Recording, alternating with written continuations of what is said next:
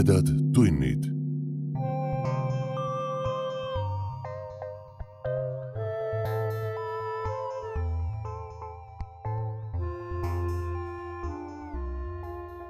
tere, hea ulmesõber.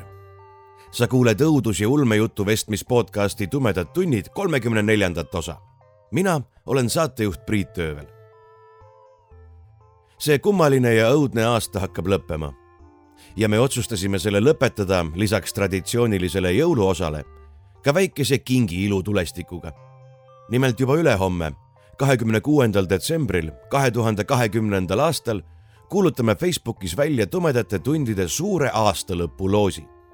vastava postituse jagajate vahel läheb loosi neli mälupulka, mis sisaldavad kogu meie audioarhiivi ning tervelt kuusteist raamatut. head ulmekirjandust mille on välja pannud kirjastused Fantaasia, Raudhammas ja Viiking. raudhamba raamatud on varustatud ka autorite või koostajate autogrammidega. nagu ikka, osalevad meie toetajad lehel patreon.com kaldkriips tumedad tunnid loosimises automaatselt, vastavalt oma toetuskategooriale kuni kolme häälega. lisaks sellele ilmub neile juba homme õhtul uus osa sarjast Tumedad tunnid ekstra mis sisaldab kahte jõuluteemalist tõlkeõudusjuttu. nii palju siis reklaami ja aastalõpu juttu. meie tänases osas kuulete kahte juttu paljude lemmikautorilt Indrek Harglalt. esimeses neist tegutseb meie jõuluosale omaselt väike Poola eksortsist Pan Grbovski, kui ta kutsutakse appi lahendama kummitava lossi saladust lugu on ilmunud ulmeajakirjas Algernon tuhande üheksasaja üheksakümne üheksanda aasta aprillis ja raamatus Pan Grbovski üheksa juhtumit, välja antud aastal kaks tuhat üks kirjastuse Kuldsulg poolt. mina ja Aiki loeme teile Indrek Hargla õudusloo Kliendi soov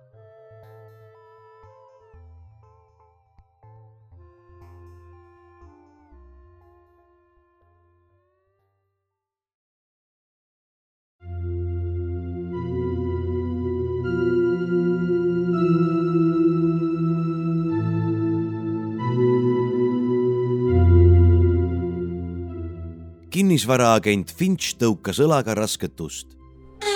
see avanes hädaldava kriuksumise ja kägina saatel, summutades hetkeks musträstaste äreva säutsumise, mille kahe mehe ilmumine lossiõuele oli esile kutsunud.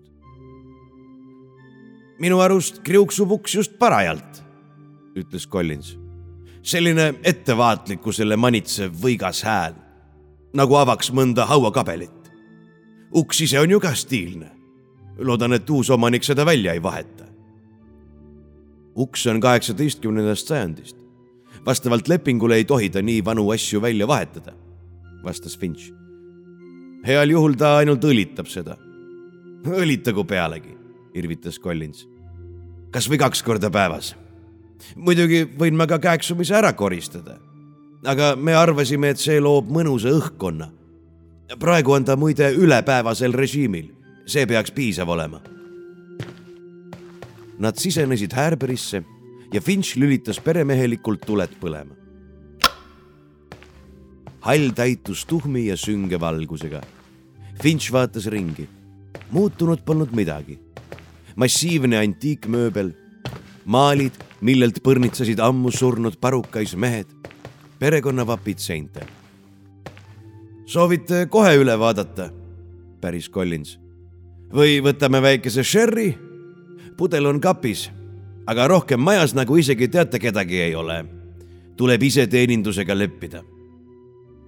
Finch võbistas õlgu.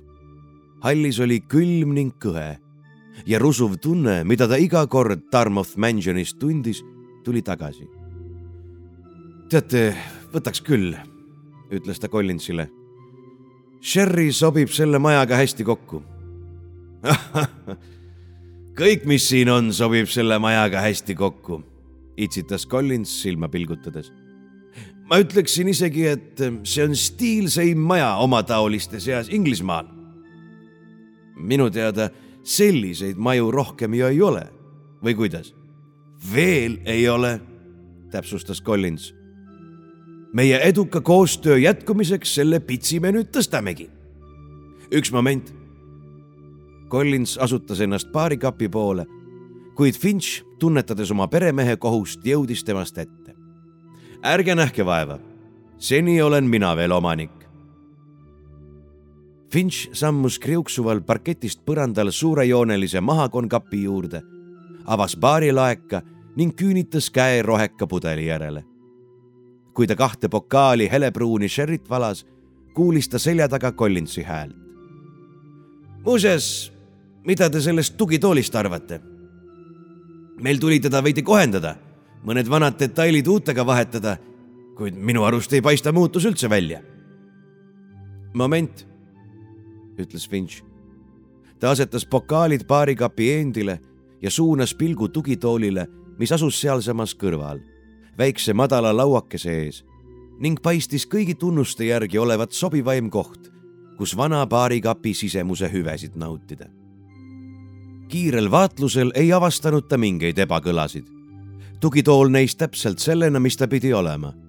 kaheksateistkümnenda sajandi meistri De Blanco töö, mille alghind igal korralikul Londoni oksjonil algab neljast tuhandest naelast ja milles nii mõnigi George kolmanda aegne tähtis tegelane on omaaegseid napse nautinud.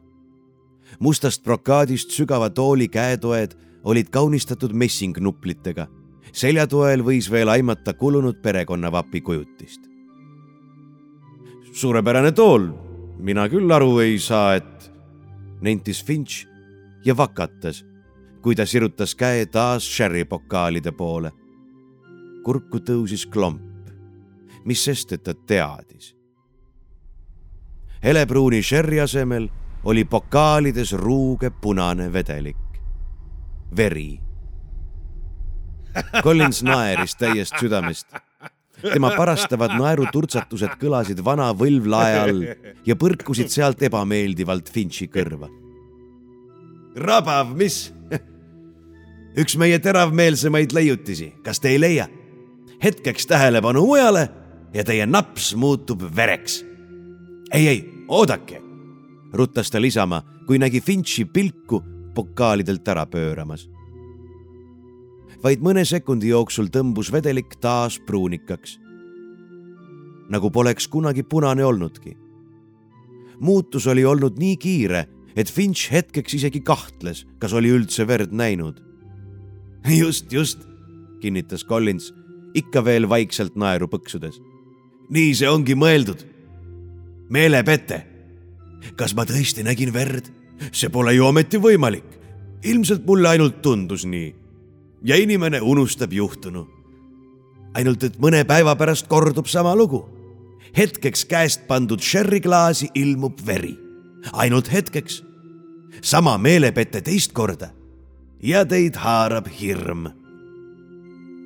väga teravmeelne tähendas Finch pisut kohmetunult. arst ütles, et see on mingi küllalt tihti esinev foobia, verekartus, hematofoobia. Olen püüdnud seda küll ravida, aga asjatult. oleksin pidanud teile sellest rääkima. andke andeks, vanapoiss, ruttas Collins vabandama. ma tõesti ei teadnud. aga trikk oli mõjuv, mis?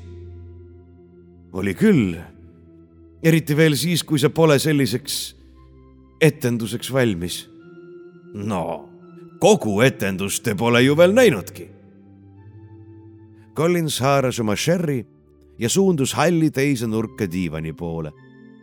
millegipärast otsustas Finch aga oma joogist loobuda. Nad võtsid istet ja Collins õngitses portfellist sülearvuti, olles enne kuskilt diivani alt võlunud juhtme otsa mille arvutiga ühendas. see sherry trikk põhineb mingi keerulise nimega preparaadil, mida jooki puistasime. ütleme, et see oleks nagu pealekauba. Päris värk on aga kõik siin, kõik nagu tellisite. Collins keskendus ekraanile. Finch nägi, et programm avanes pildist, mis kujutas Dartmouth Mansionit. see juhe on muidugi ajutine nähtus seletas Collins õhinal. siin põranda all on väike keskjaam. praegu juhin ma süsteemi siit. Teie võite aga kas variant A jätta süsteem juhurežiimi või variant B, programmeerida kogu kupatus sellisele sagedusele, nagu ise soovite. mina soovitaksin varianti B, sest juhurežiim ei arvesta inimese psühholoogiat ja võib kohati üle pakkuda.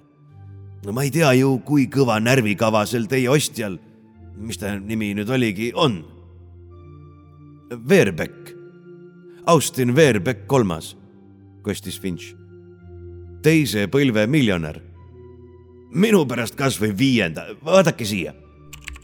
Collins klõbistas oskuslikult klahvidel ja ekraanile kuvus valikmenüü. praegu on kogu süsteem maas. me käivitame selle, näete, siit. ja nüüd valime kas kogu tsirkuse või eraldi tegelased. alustame üksikkujudest. muuseas, kõigepealt kustutame tuled. valgus kustus, kogu hall vajus hämarusse Finch tundis kerget erutusvärinat, kui ta sülearvutile lähemale kummardus. etteaste numero uno, peata mees. vaadake palun sinna trepi poole. Finch pööras pea trepi poole. õhtupimeduses seletas ta vana treppi, mis viis hallist Härberi teisele korrusele. seinal trepi kohal rippusid portreed käsipuu oli kaunistatud suurejooneliste tammefiguuridega. üks õige inglise trepp, mõtles Finch. kõik oli vaikne. siis tajus ta liikumist.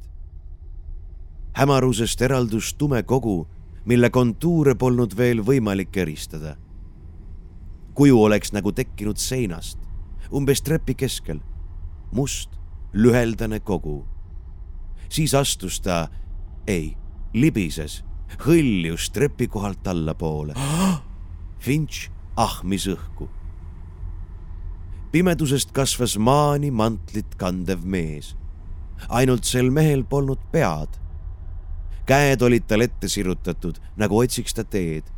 üles tõstetud krae kohalt võis aimata valendavat kaelakonti. mees ei olnud päris, ei pidanudki olema. ta ei paistnud just läbi kuid tema piirjooned olid piisavalt ähmased, et ilmutist viirastuseks pidada. kummitus peatus, olles jõudnud trepimademele. ta tegi veel ühe sammu, hakkas siis võbelema ja kadus aeglaselt. olles juba poolenisti haihtunud, haaras ta ühe käega õhku, otse kui proovides kedagi lüüa. siis oli ta läinud. Finch tundis külmavärinaid ta oli küll seesuguseks etteasteks valmistunud, kuid viirastus oli olnud piisavalt realistlik, et isegi teadjas inimeses hirmuvärinaid esile kutsuda. ja kõik on täpses vastavuses legendile, sosistas Collins. see oli Sir Emond Barnsley. vana de Montvie tappis ta just siin trepi juures. kõigepealt suskas teda pisto taga rindu ja seejärel raius pea maha. teenrid nägid pealt muuseas, ka verelaigu võib põrandale tekitada. aga soovitav oleks ainult neljateistkümnendal mail, siis kui Barnsley tapeti.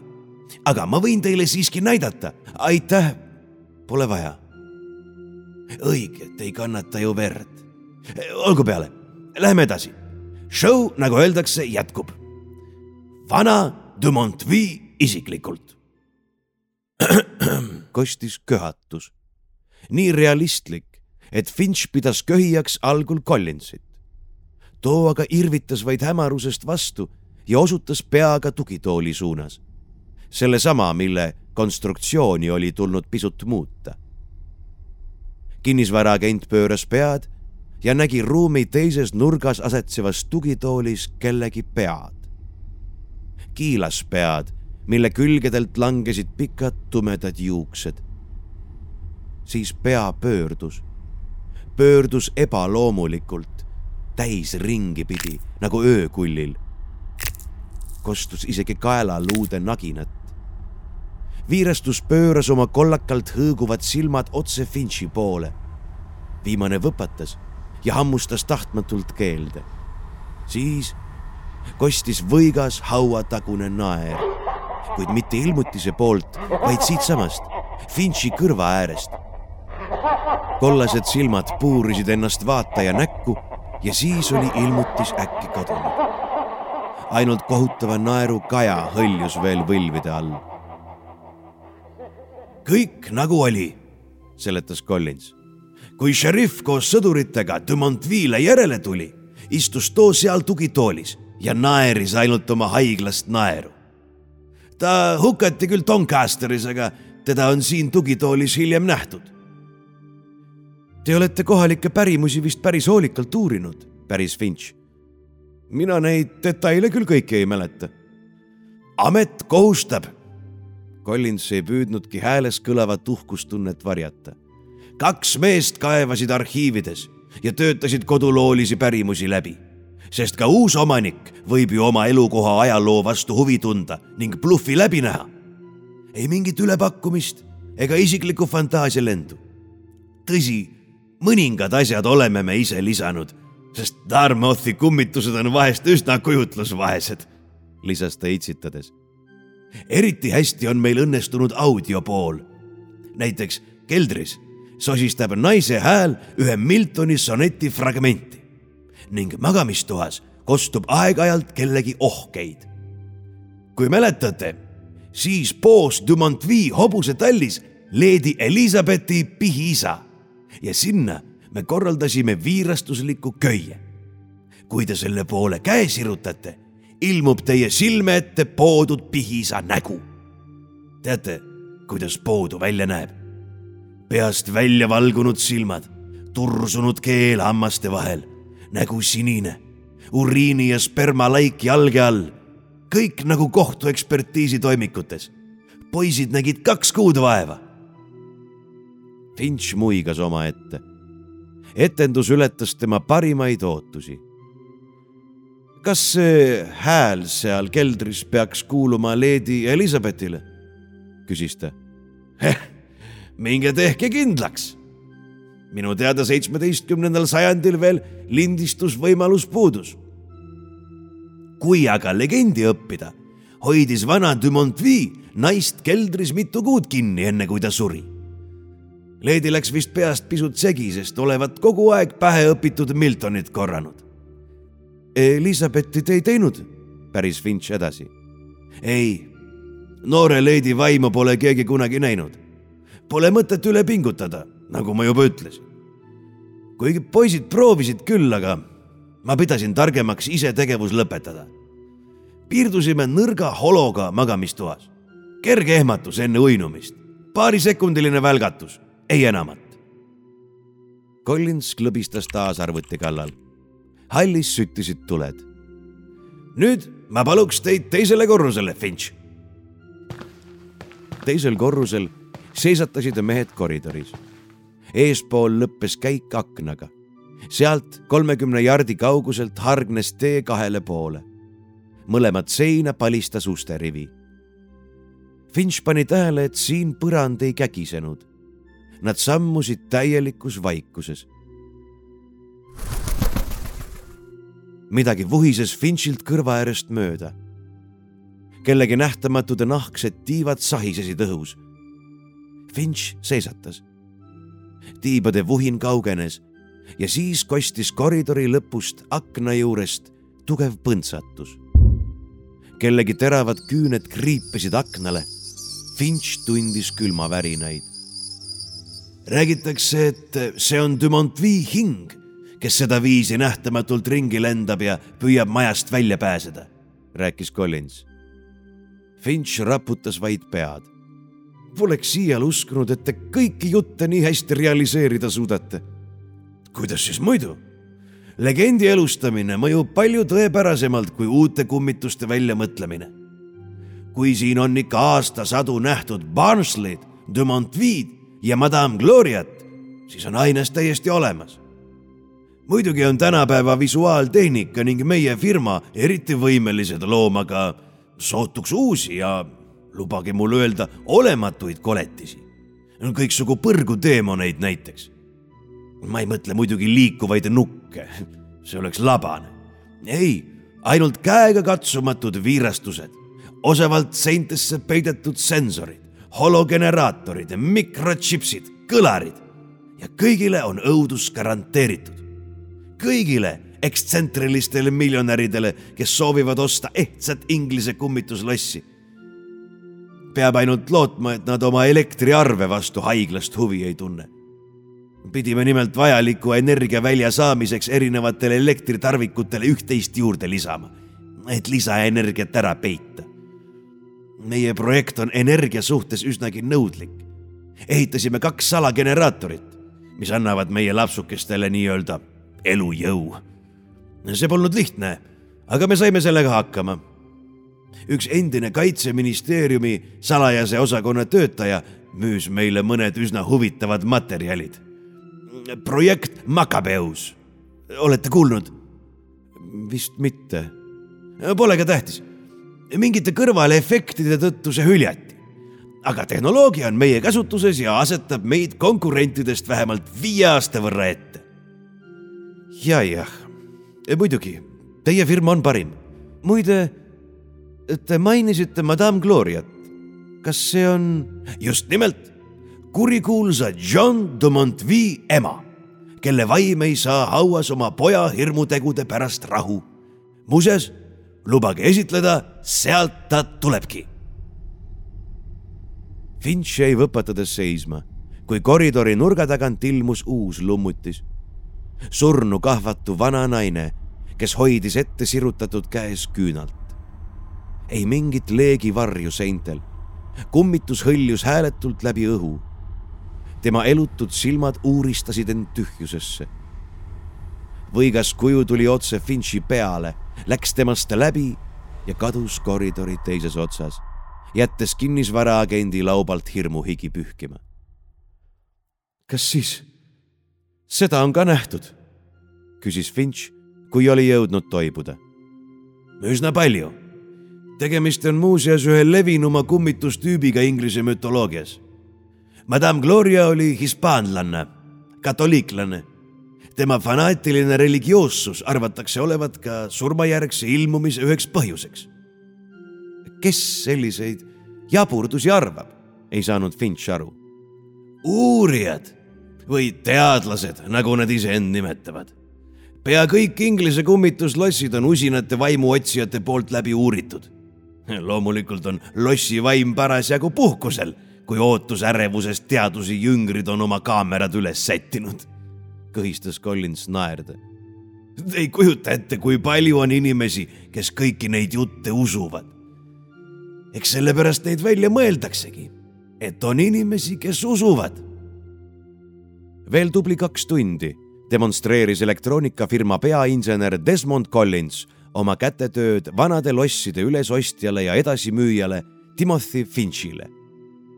iga uue tehnikasaavutuse ilmumisel muutus Finch näost üha rohelisemaks ja temas süvenes veendumus, et inimene, kes on nõus õige kummituslossi eest sellist summat lauale laduma, ei tea päris täpselt, mida soovib ja ta oli päris kindel, et Ameerika miljonär Austin Verbeck kolmas ei pea selles majas aastatki vastu. kuid lõppude lõpuks peab iga klient saama ikkagi täpselt selle, mida tahab. Ja kui klient tahab viirastuste käes vaevlevat häärberit koos ühe korraliku maja legendiga, siis selle ta ka saab. ja saavad ka kõik järgmised kliendid kel on piisavalt raha, et Finch saaks tasuda elektriliste lisatööde eest ühele tagasihoidliku nimetusega Londoni äärelinna elektroonikafirmale. kui mehed lõpuks majast väljusid, tundis Finch, et üks kangem naps kulub talle väga ära. ometigi soovis ta selle juua oma kodulähedases pubis, mitte selles majas. hoolikalt kuulas ta Collinsi seletusi kuidas kummitusprogramm just paraja sagedusega tööle panna, et mitte üle pingutada. insener lülitas majast lahkudes elektri ja kogu kummituste krempli välja. demonstratsioonesinemised olid edukalt lõpetatud. Kruusaselt hooviteelt heitis Finch veel Härberile viimase pilgu. hakkas hämarduma. musträstad olid ammu vaikinud. maja mähkus sumedasse Kesk-Inglise ööhe õigusliku poole pealt on kõik korras, seletas Collins taskust autovõtmeid õngitsedes. Verbeck ei tohi kapitaalremonti teha, kuna tegu on arhitektuuri väärtusega. ja meie tegime ainult parandusliku iseloomuga elektritöid, eks ole? Finch noogutas ja heitis majale viimase pilgu. teise korruse nurgapoolsest aknast oleks nagu kumanud nõrk kahkjas valgus. veider, mõtles Finch autosse istudes. elekter lülitati ju ometi välja. veidi enne, kui ta auto ukse kinni tõmbas, nägi ta akna avasse ilmuvat midagi, mis meenutas noort naise nägu. tühjad silmakoopad, hauakahvatus ilgesse vihagrimassi kõverdunud näos. võigas hauatagune irve, ilmselt siis varugeneraatori ja säästufailide viperused, otsustas Finch, kui kuulas Collinsi juttu, mida kõike nende firma veel valmis on looma, kuni jaguks vaid ostjaid, kes usuks vaime. Finch tahtis vaid kiiremini siit minema pääseda.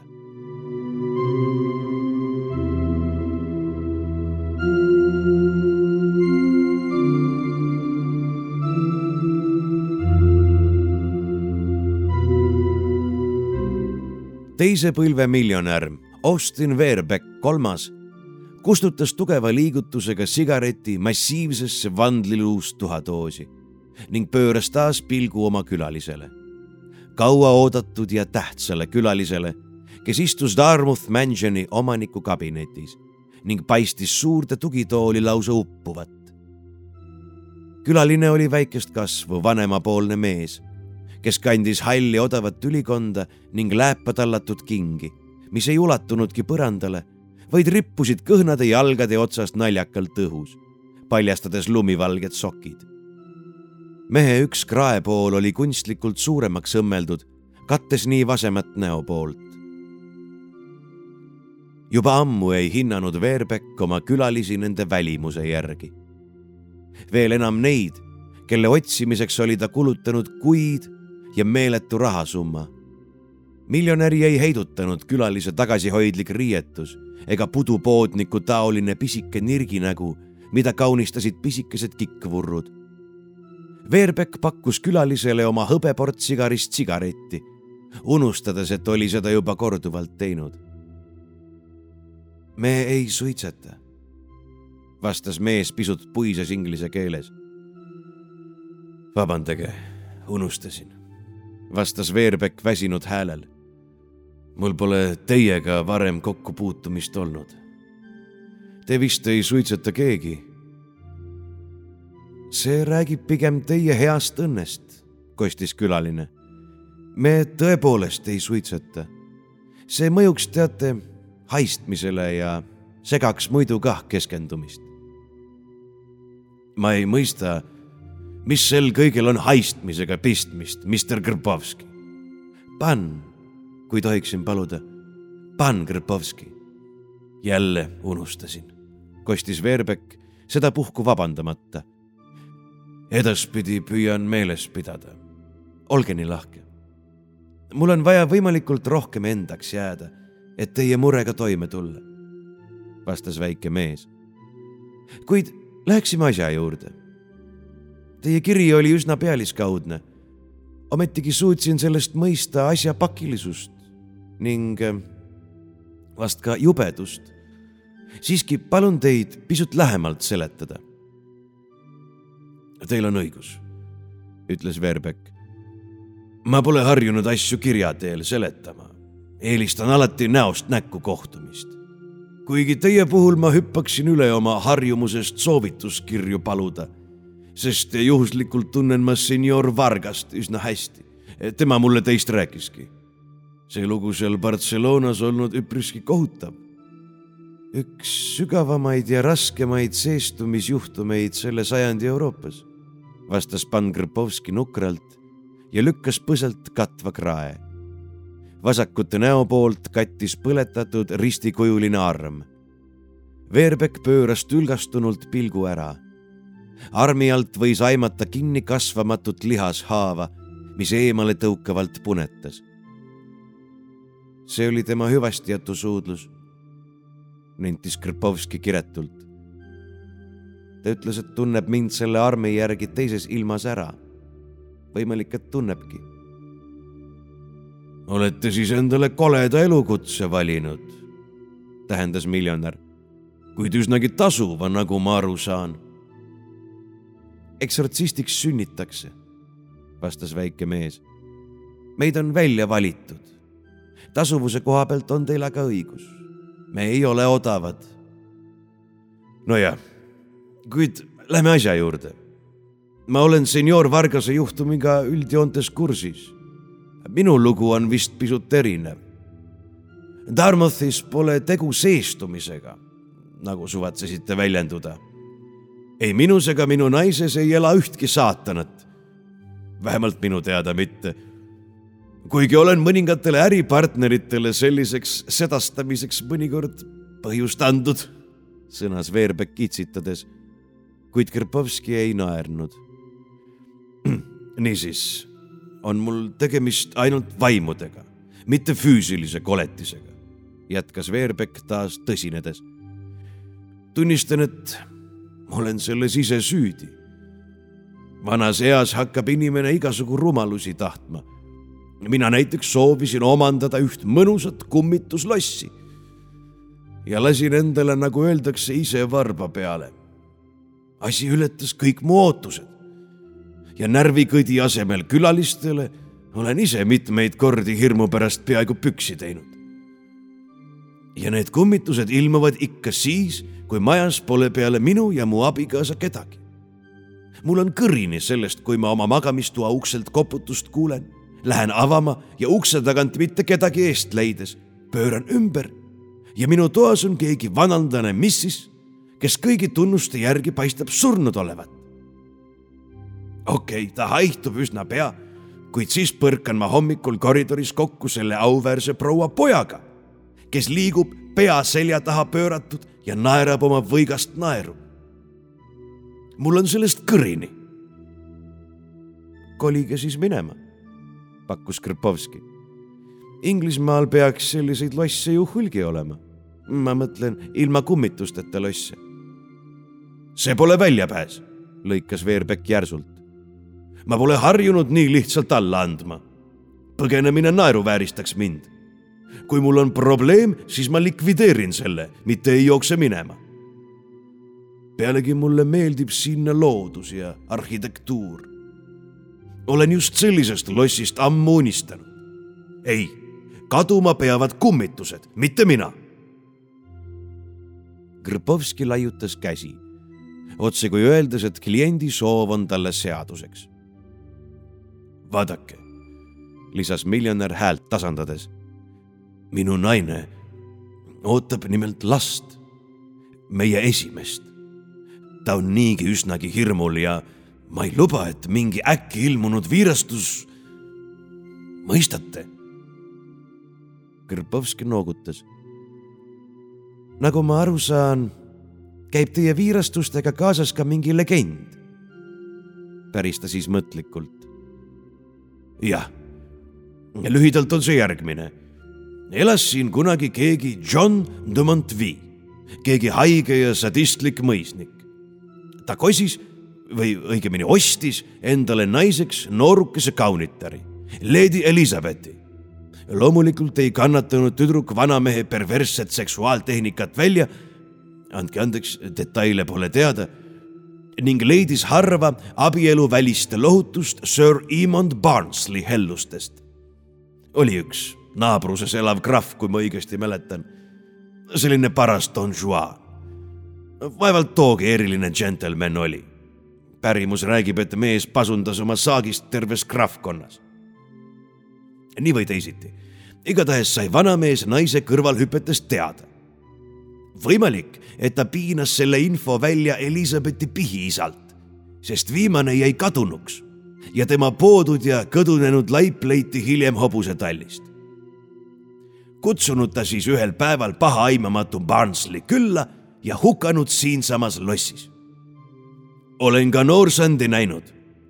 too on võtnud kombeks ilma peata ringi kolistada, sest Dumont-Vie valis just sellise hukkamismooduse kas Barnsley vaim ilmub oma surmapäeval? küsis eksortsist. Pole õrna aimugi. mis tähtsust sel on? kõigel on tähtsust.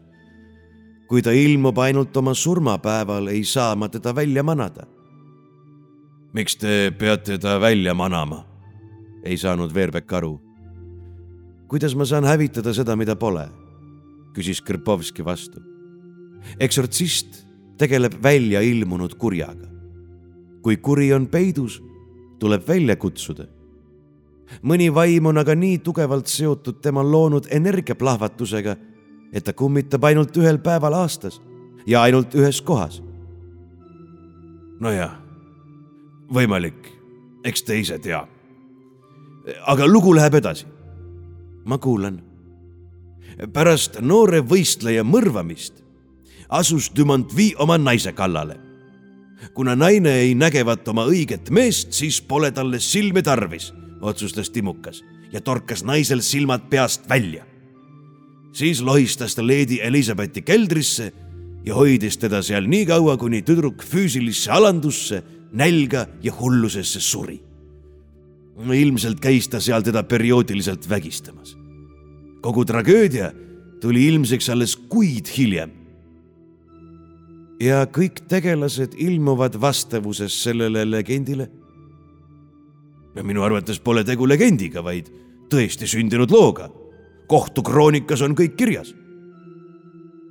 mind huvitab, kas teie vaimud kordavad sama tegevust, nagu siin kunagi usuti toimuvat? jah, suures osas küll. kas te Elizabethi olete samuti näinud? usun, et olen teda keldris kuulnud magamistoas on vahel pimeduses kumanud üks väga kaunis naise nägu. olid sellel silmad peas? Kuidas? ah jaa, ma arvan, et olid küll. nägu nagu lihtsalt välgahtaks korraks, väga õrnalt. see on väga ilus blond tütarlaps, väga sooja ilmega. aga olen teda näinud vaid paar korda Teil pidi vist mingi nimekiri olema. siin. Veerbek avas sahtli, võttis sealt mapi ja ulatas selle Krpovskile. Olen püüdnud kõik kummituste ilmumised võimalikult täpselt kirja panna, nagu soovisite. hea küll. kuulake nüüd mind, ütles eksortsist ja võttis mapi. juba täna te lahkute koos abikaasaga siit majast samuti tahan ma, et kõik teenijad oleksid läinud. Te jätate mulle kõik võtmed, kõik majaplaanid. Te jätate mulle oma koordinaadid ja kui õhk on puhas, ma helistan teile. Kas te garanteerite? ma ei garanteeri mitte midagi. see on väga keeruline juhtum.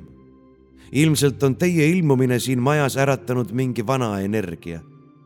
Teie naine on noor.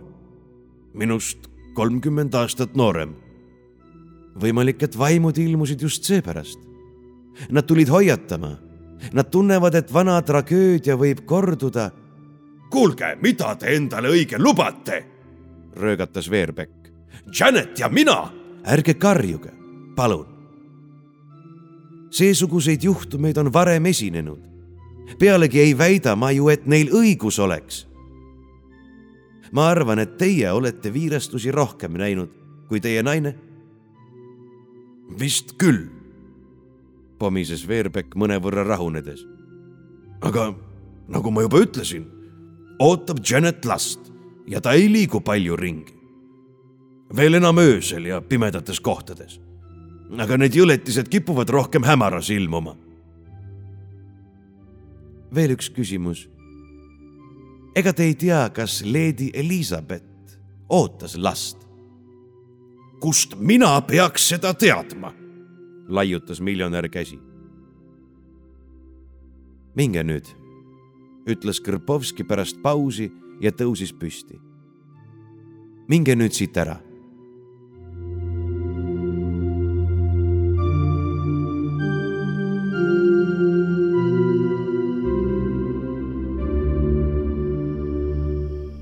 Doncasteri ühe kalleima pansionaadi luksusnumbri rõdul istusid mees ja naine. naise ümarad kehavormid rääkisid paari peatselt ees ootavast tähtsast sündmusest. mees kandis heledat suveülikonda ja rüüpas ohtra jääga rikutud viskit ning luges õhtust ajalehte. Austin. päris naine, kui oli pikalt oma lugemisse süübinud meest jälginud. Kas sulle ei tundu meie olukord kuidagi kummaline? mis? ah, kummaline. mida sa täpselt silmas pead? rebis Austin Verbeck end uudistest lahti ja jäi abikaasale otsa vaatama. kõik. see meie redutamine siin, kui sinu poolakas tuttav omi imetrikke teeb. üldse need viirastused ja puha. loomulikult on see kummaline. Kummitus ei ole just kõige harilikum asi siin maailmas. sa ise ju soovisid kummituslossi osta ma ei pidanud silmas, et nad peavad nii realistlikud olema. pigem lootsin omandada mõnd heasoovlikku maja vaimu. ah, mis jama ma küll räägin. ämbrisse astusin ma, Janet. naine ohkas.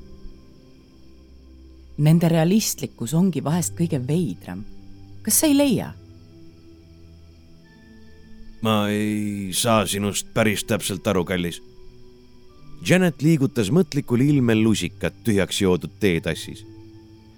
vaata. hakkas ta siis mehele ettevaatlikult seletama. Need kummitused, keda mina olen näinud, samuti ka need, kellest sa mulle rääkinud oled, nad on liiga loomulikud. Nad kõik käituvad, nagu me arvame, et nad käituvad. ilmuvad seal, kus neid alati kuidagi lahti seletada saab. no aga nii on nad toimunud juba mingi kolmsada aastat. aga kust meie seda teame? päris Janet kiiresti vastu. kuidas meie maja on omandanud kummituslegendi? vasta mulle, palun, ma tahan kuulda, kuidas sa seda ütled. Veerbeck rüüpas kulme kortsutades pruunikat jooki, mis kunagi oli olnud Šoti üheviljaviski. Neid on ju nähtud, inimesed on näinud kummitusi nii lihtne see ongi. ja nii lihtsalt sa seda kõike usudki? ma olen ise neid näinud. sinagi oled näinud, Janet. millega sa rahul pole? ma pole rahul sellega, et meie oleme näinud kummitusi tegemas kõike seda, mida teised inimesed enne meid on väidetavalt näinud neid tegemas. ma arvan, et tõeline kummitus peaks väheke originaalsem olema Austin Verbeckil võttis jupp aega, et mõista, mida ta abikaasa põhjaosariiklase terav mõistus tahtis talle selgeks teha. sa siis ei usu, alustas ta. asi pole uskumises, katkestas naine teda. Barnsley laskub täpselt mööda seda treppi, mille mademel ta tapeti. Dumontvii istub just seal, kus politsei ta kinni nabis Gloria kõnnib täpselt seal, kus ta küünlaga oma õhtust ringkäiku tegi. poodud pihiisa ilmutab end seal, kus ta poodi. saad aru, mida ma tahan öelda? kunagi lasid inimesed liikvele legendi Darmouthi viirastusest ja nad mõtlesid ilmutised tegema seda, mida nad reaalses elus tegid. kõiki neid kummituste stseene on nähtud, saad aru?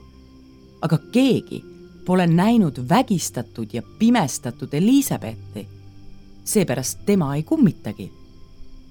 vaene naine oli keldris kinni. kuulu järgi oli küll teada, mida temaga tehti, aga keegi peale de Montvii ei näinud teda.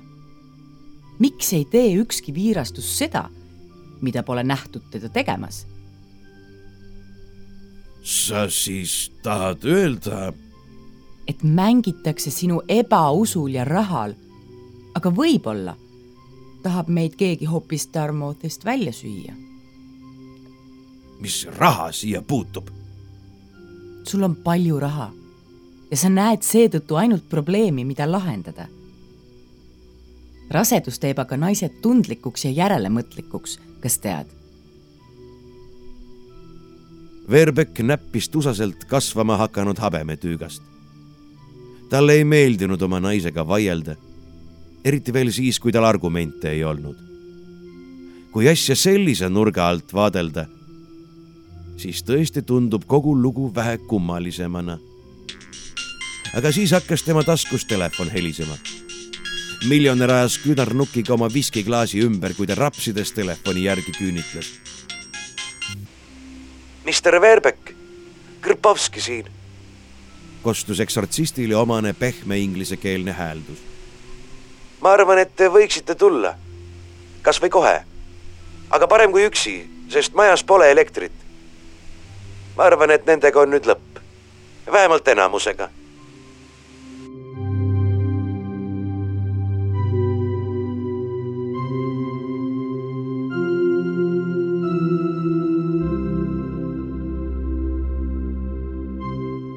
väiksekasvuline pann istus Dartmouth Mansioni hoovil pingil ja jõi kiirete sõõmudega võõrapärase nimetusega mineraalvett. Veerbeck peatas oma auto pidurite sahisedes kruusasel platsil ja tormas erutatult eksortsisti juurde. ta kandis ikka veel heledat suveülikonda, kuigi õhtune ilm hakkas juba jahedaks tõmbama. Krpovski jalge ees lebas suur kohver. mehel oli väga väsinud ilme tema nukrad nirgisilmad piidlesid tujutult miljonäri. Mis juhtus? miks majas elektrit pole? hõikas Veerbeck kaugelt, kui oli heitnud pilgu valgustamata majale ja hoovile. kogu teie alajaam ja majasisesed jaotuskarbid on läbi põlenud, kostis poolakas vaikselt. no miks te küll seda pidite tegema? päris miljonär tigedalt minu teada polnud kummitustel elektrist sooja ega külma. Ta istus Krpovski kõrvale ja vaatas palgatule küsivalt otsa. mitte mina, vastas küsitatu. tema tegi seda. aga kuidas ja miks? see on iseasi. muuseas, teie häärber peaks enam-vähem puhas olema. Lähme siis sisse. ma ei soovitaks ta läks küll keldrisse, kuid ei pruugi sinna kauaks jääda. Ma tahan, et te enne minu aruande ära kuulaksite, kui majja lähete. rääkige siis. ja poolakas rääkis. kui Euroopa parim eksortsist oli töö kallale asunud, täheldas ta kohe mingi seni kogematu välja olemasolu majas. kummati polnud see energiaväli päris teistpoolset päritolu ta ei reageerinud ühelegi loitsule ega tahtnud ohverdusest kuuldagi. Eksortsismi üks põhireegleid nägi nimelt ette, et kuri vaim tuleb välja manada, pakkudes mana ja hinge, otse kui boonuseks ja teenustasuks. hiljem peaks siis manaja muidugi vaimu petma ja oma hinge tagasi varastama. selles trikis ongi eksortsistide töö kõige raskem osa. kuidas protseduur täpselt käib seda ei tahtnud poolakas avaldada. aukoodeks ja Tsunfti seadus ei lubavat. Mõned tema endised kolleegid polnud sellega hakkama saanud ja tulemused olnud üpris kurvad. igatahes oli Dartmouth Mansioni energiaväli väga kummaline. see eksisteeris väga veidratel tunnetussagedustel. sellistel, millest astraaltasand jääb veel kaugele kuid hariliku inimese taju juba hääbub. Kõrpovski oli katsetanud lihuniku meetodit. Pühitsetult liiga aasta viimasel päeval tapetud härja veri tuli valada kohta, kus vaim sagedamini ilmub. veri oli tal konserveeritud teaduse viimase sõna järgi. harilikult teeb see teemoni näljaseks ja ta ilmub. muidugi on tarvis ka üht teatavat loitsu keeles, mida ammu maal enam ei räägita. vaim oligi ilmunud. see oli vana Dumantvi, kes tegi oma tuntud trikki tugitoolis ja kadus seejärel. veri teda ei huvitanud.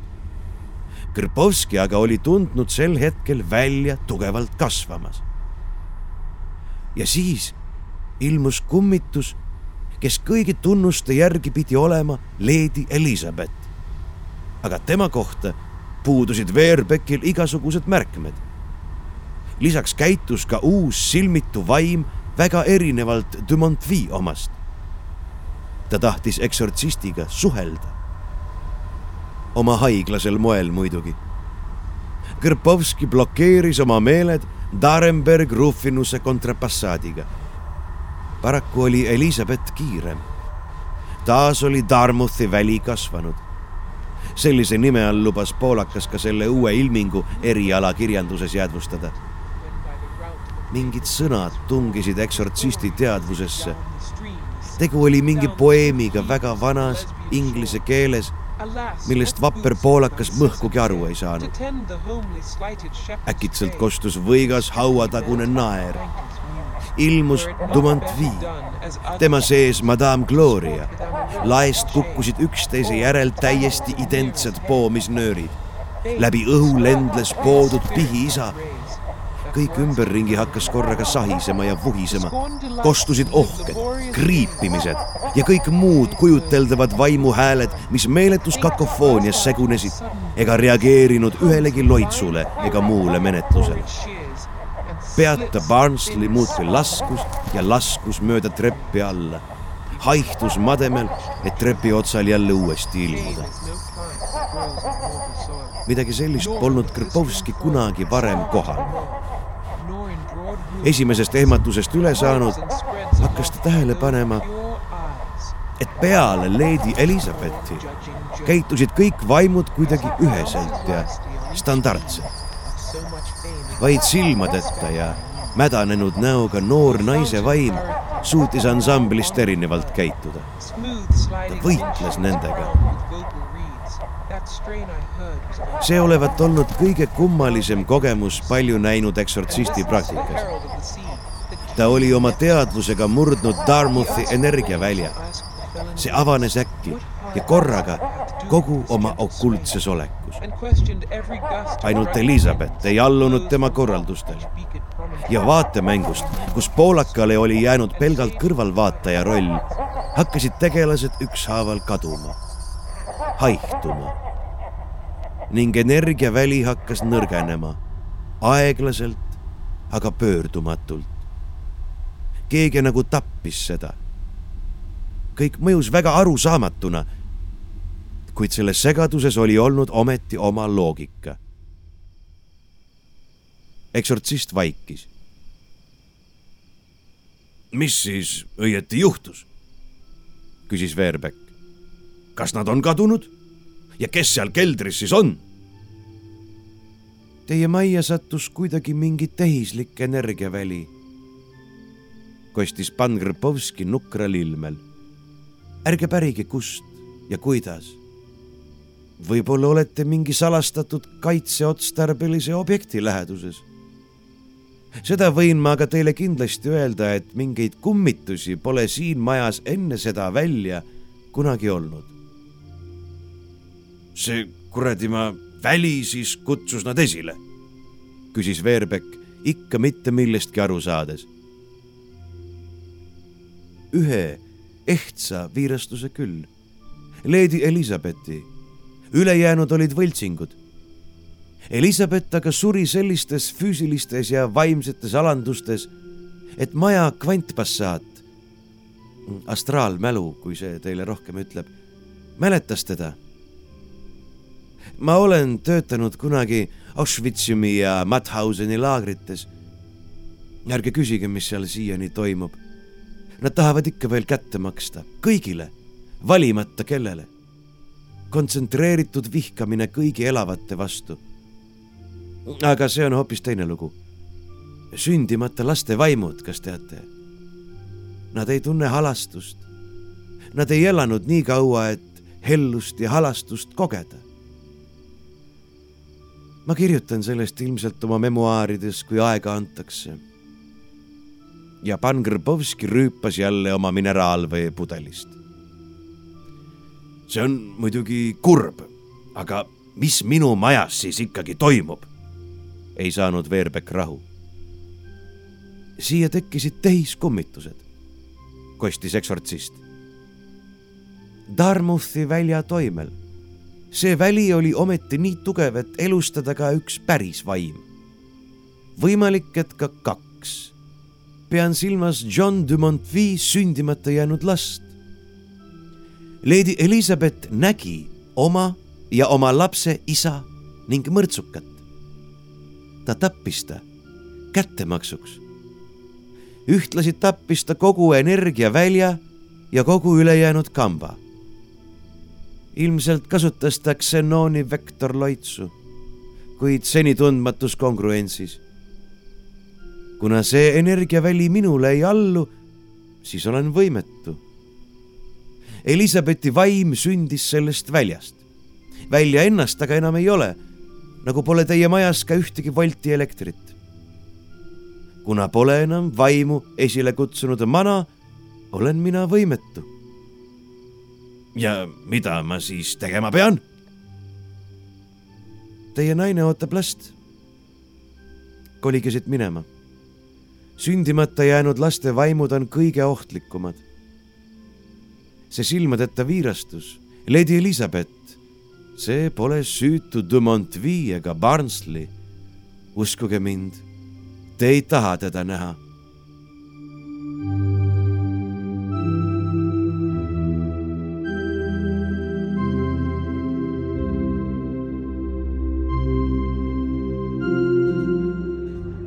ühes Chelsea argipäeva õhtuselt kubisevas pubis istusid kaks meest ning õgisid neerupirukat, mille loputasid alla lahja õllega. kõrtsimelu summutas nende vaiksel häälel peetud vestluse. muuseas, Collins, päris noorem mees, kas teate, et Veerbeckid kolisid Dartmouth Mansionist välja ja müüsid selle mulle tagasi? aga pärast seda, kui teie kuulus programm üles ütles kas pole see mitte pisut kummaline? Inimesel on ikka omane elukohta vahetada, kostis kõnetatu. olen kindel, et kui me süsteemile ligi pääseksime, õnnestuks viga kõrvaldada. veider, et see kinni jooksis ja läbi kärssas. räägitakse, et seal kummitavat keegi silmadeta naise vaim. kahele aknast sisse piilunud külapoisile tekkisid näkku seletamatuid verejäljed Teie ju selliseid kummitusi ei loonud, kui ma õigesti mäletan. tähtsusetud kõrvalefektid ja järelmõju. ikka juhtub, ei teinud Collins välja. mõni programmeerimisel tekkinud näpukas ehk lutikas, nagu öeldakse. seda küll, ega see mulle eriti korda lähegi. Veerbeck tahtis kummitusi ja need ta sai.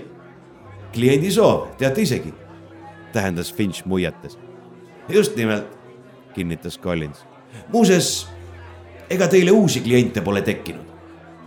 Finchi nägu võttis irvelise ja kiskjaliku ilme, millega ta alati äriasju tavatses arutada. no kuidas teile nüüd öelda? üht-teist nagu oleks silmapiiril. aga nemad tahavad harilikku maalossi, ilma igasuguste viirastusteta. kui te elektrisüsteemi korda teeksite oleks Dartmouth Mansion igati sobiv. kliendi soov, nagu öeldakse, on seaduseks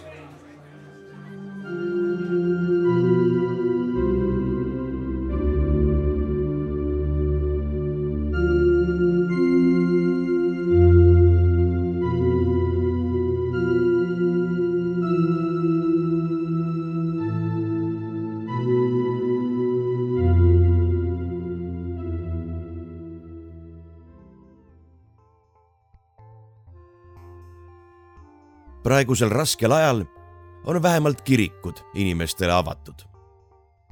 meie tänane teine lugu räägib ühest tsistärtslaste kloostrist, mis samuti avas oma uksed ja võttis enda hulka ühe väljastpoolt tulnud venna. jutt on varem ilmunud ulmeajakirjas Algernon mais kahe tuhande teisel aastal ja Indrek Hargla jutukogus Hathavarati teener kahe tuhande teisel aastal, välja antud kirjastuse Fantaasia poolt samuti on saanud see jutt Eesti ulmeühingu aastaauhinna Stalkeri parima lühijutu kategoorias. ma loen teile Indrek Hargla õudusloo Vend Russ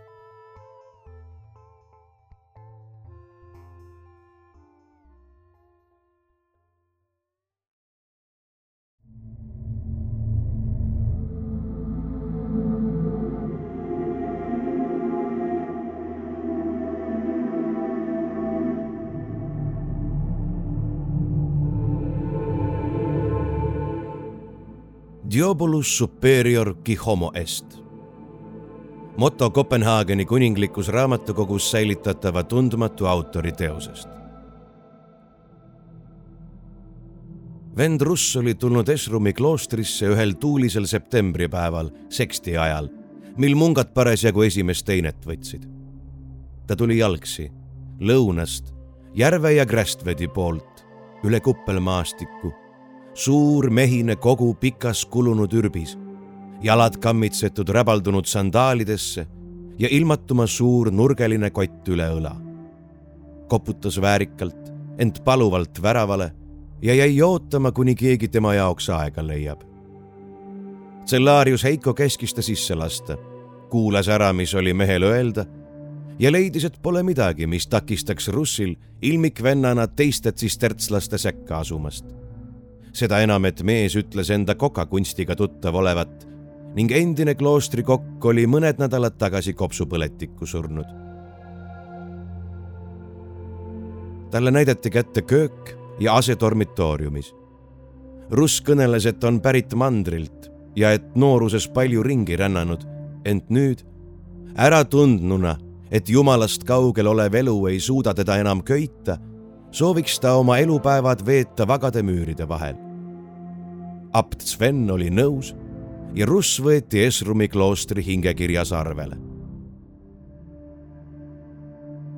ühe ilmikvenna tulek ei peaks küll kloostri elurütmi ega selle asukate rutiini mõjutama. ja alguses ei mõjutanudki. Põhja-Sjölandi tsistertslased elasid samal kombel edasi. täitsid oma püha kohust, harisid maad, kasutasid vesiveskit, kasvatasid vilja, lugesid, palvetasid olid ranged enda ja teiste vastu. karm kehaline töö toob lunastuse, sest ka apostlid elasid oma töö viljadest. kuus tundi und, kuus tundi tööd, viis tundi lugemist ja seitse tundi teenistust kirikus. nii päevast päeva, aastast aastasse. ilmikvennad pidid muidugi palvetama vähem ja töötama rohkem Russi esimese kloostris veedetud aasta jooksul ei pannud õieti keegi tähele, et vennad olid hakanud rohkem ja maitsvamat toitu sööma. parem söök pikendab aga puhketunde, teeb laisaks. kui vesiveski läks järgmisel kevadel rikki, ei tehtud seda nädal aega korda. Cellarius Heiko oli raevus, kuuldes, et veeenergia kunsti tundvatele vendadele oli Russ töö kõrvale köögist vaid paremaid palasid saatnud tigedalt läks ta Russi juurde ja nõudis seletust. oh, nende töö on raske ja ma vaid tahtsin seda leevendada, kostis suur mees alandlikult pead langetades. pruukosti võetakse seksti ja vesperite ajal, märkis Cellarius, ja ainult. ma käsin sul vendi nende töös enam mitte eksitada. Russ kuuletus kuid kas mitte ei jõudnud Heiko kõrvu, kui ta köögist tigedana amraariumi poole suundus, kellegi räme naer, mis oleks otse kui kloostri seinu raputanud. aasta möödus kloostris üldiselt vaikselt. peagi sumbus ka rahulolematuse pobin, mis johtus sellest, et apt Sven oli otsustanud enam mitte teiste vendadega tööl käia ja kolis oma ruumist dormitooriumi kõrvalt eraldi järveäärsesse elamisse, kus tal oli ka oma raamatukogu. Cellariuselegi polnud see algul meeldinud, ent hiljem, kui ta oli kuulnud, et teistegi tsistertslaste kloostrite aptid olid hakanud rohkem aadlike ja maaisandate moodi käituma, leppis ta olukorraga. aga Russi suhtes hakkas tublil Cellariusel tekkima umbusaldus. Tal oli seda raske endale seletada ja tihti kahetses ta oma mõtteid. palvetas ja palus andeks, et ta oli vennast nõnda sallimatult mõelnud. aga süda ja mõistus käivad tihti eri radu. ühel päeval tabas ta Russi kloostri raamatukogust. kuigi selles polnud midagi otseselt keelatut, et ilmik vend viibib tööajal raamatukogus ometi ei meeldinud Heikole sugugi, et see Russ oli kes seal astmete pealt üht vana raamatut riiulist kangutas. ma mõtlesin, et sa ei oska lugeda, ütles Cellarius kui oli venna toimetusi vaikides ruumi nurgast jälginud. mõned sõnad ikka oskan, vastas Russ ümber pööramata ega paistnud tabamisest sugugi üllatunud olevat. Ja kuidas ma muidu juurde õpin, kui ma ühtegi raamatut ei vaata kui sul on tõsine huvi kirjatarkuse vastu, siis räägin ma sellest sakristanile ja ta hakkab sind õpetama, arvas Heiko. ja mis raamat see seal nii huvitav on, et sa paja keema jätad ja tuled selle tarkust taga nõutama? Russ hüppas astmetelt põrandale ja kehamürtsatuse saatel lendas vana köite ümber tolmu, nii et kokk viivuks üleni selle sisse mattus ja aevastas ega ma ei teagi. sõnas ta siis ning aevastas veel kord. jäi lihtsalt silma. õige suur raamat teine. see oli tõesti kõige suurem raamat kloostri kogus. tubli põlvepikkune, nahk rihmadega köidetud, kogukas ürik, mis võis kokale teiste seast hõlpsasti silma jääda. Ekpertus Lulliuse jõulupalved. jõulud on veel kaugel märkis Heiko köidet nähes. ja eelmiste pühade ajal paelus sind rohkem verivorsti tegemine kui palvete lugemine. jõulud? mühatas Russ ja avas köite. ta kissitas silmi, lappas kiiresti läbi lehekülgede ja nägi hoolika kalligraafiaga kirjutatud salme silmitsedes üsna pettunud välja. pilte ei olegi. ja mingi kirbukiri sa võid selle võtta, lubas Heiko äkilise suuremeelsuspuhangu ajal. ma ütlen vend Stefanile, et sina võtsid. ei, ma arvan, et ma ei hooli sellest siiski. pobises Russ ja sulges raamatu. Mõtlesin, et siin on pilte, et suur raamat, kõige suurem. aga üleüldse jah, leem jäi keema, ma pean tagasi kööki minema sellega lõppeski nende kohtumine raamatukogus. ja enam ei kuulnud Cellarius kunagi, et vend Russ oleks kloostri haruldaste köidete vastu huvi üles näidanud. peagi sai ta Russi tundma aga hoopis teisest küljest. Sellisest, mis tõstis ta ilmikvenna abt Sveni enese juures kõrgesse ausse. nii et kõik vennad ja neofüüdid pidid ühel märtsikuisel missal Russi nime suhu võtma ja teda tänama sest ilma Russi sekkumiseta oleks rändav mustlaslaager veel nii mõnegi Roskilde, Hilleröödi või Helsingöri lapsukese ära varastanud ja üle mere viinud. Ehk pannud nende peal toime isegi oma kohutavaid jumalasalgajalikke rituaale ja ohverdanud tumedatele jõududele. kui Tabor oli Esrumi järve äärde laagrisse asunud, hakkasid kohalikud kohe rääkima, et see pole küll õige asi sest Hilleröödist olla viimasel ajal mitu väikest last kaduma läinud. ning kui Matilda Jenseni kolmekuune imik saladuslikul kombel siinsamas Esrumis ära kadus, pöördusid kõigi pilgud kohe järve äärde. krahv Kuldarhkardeni kolm relvis meest ühes külavanema ja kirikhärraga saadeti Taborisse, kuid mustlased võtsid nad vastu sõimu ja mõnitustega küsimustele laste kohta vastasid nood põlastavalt, et omalgi neid küll ja et nad pole ühtegi põnni Sjölandil puutunud. krahv jäi endale kindlaks ja nõudis laagri läbiotsimist.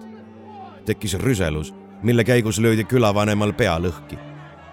vihane ümbruskonna rahvas hakkas kirveste, harkide, kaigaste ja hangudega mustlaste poole suunduma ja nende etteotsa oli äkitselt tekkinud kloostri ilmikvend Russ.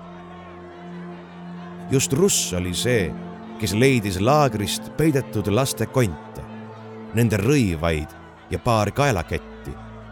just Russ oli see, kes juhatas rahvast ja aitas neil nii mustlastele kui nende vankritele tule otsa panna. just Russ oli see, kes kõige vapramalt võitles, nii et krahvil ja kohtuvõimudel polnud järgmisel hommikul enam ühtegi hulgust kohtu ette tuua ega üle kuulata ilma meie vapra venna Russi abita, rääkis laudese ajal abt Sven, oleks kurjategijad jäänud karistamata. Andku issand talle igaveseks õiget meelt hea äratundmisel. saatan ise oli tulnud Esrumi kanti mustlaste kujul ja nüüd on tema siit välja aetud. saatan noogutas Russ vaguralt on suurem kui inimene. ning ainult Jumala lõpmata arm ning tema kuulekas teenimine teeb inimese pimeduse vürstist suuremaks. Nõustus apt, olles ilmikvenna suust kõlanud teoloogilise mõttetera üle pisut üllatunud. palvetagem. vend Russ oli korraga kangelane, kõigi poolt austatud ning vaid Cellarius Heiko oli see, kes mõtiskles, et kuidas küll oli Russ teadnud, kust otsida laste jäänuseid. ja miks oli tarvis kõik mustlased ära põletada. Aga ta ei rääkinud oma kahtlustest, kui neid üldse oli, kellelegi. ning endiselt tundis ta vend Russi vastu kummalist ebasümpaatiat.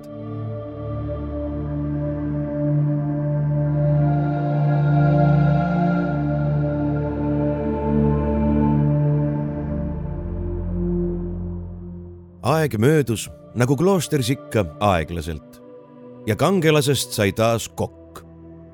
Üks tavaline vend teiste omasuguste seas, sest pühakojas ei tähenda niivõrd ilmalikud suurteod, kuivõrd vagadus ja tublidus Jumala riigi poole püüdlemises.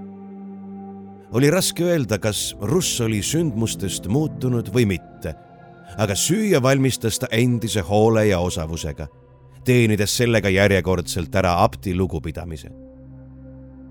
tihti nähti apti kööki minevat ja küllap siis valmistas Rust talle seal mõnda eriliselt hõrku hautist. Cellarius aga pani tähele, et apt käib üha sagedamini ringi veidi pööritavate silmadega ning lõhnab veini järele. vend Heiko oli loomult truutsistärtslane, kes väga härdalt järgis püha Bernardi õpetust ja suhtus väga karmilt benediktiinlaste lodevasse ja mugavust armastavasse eluviisi.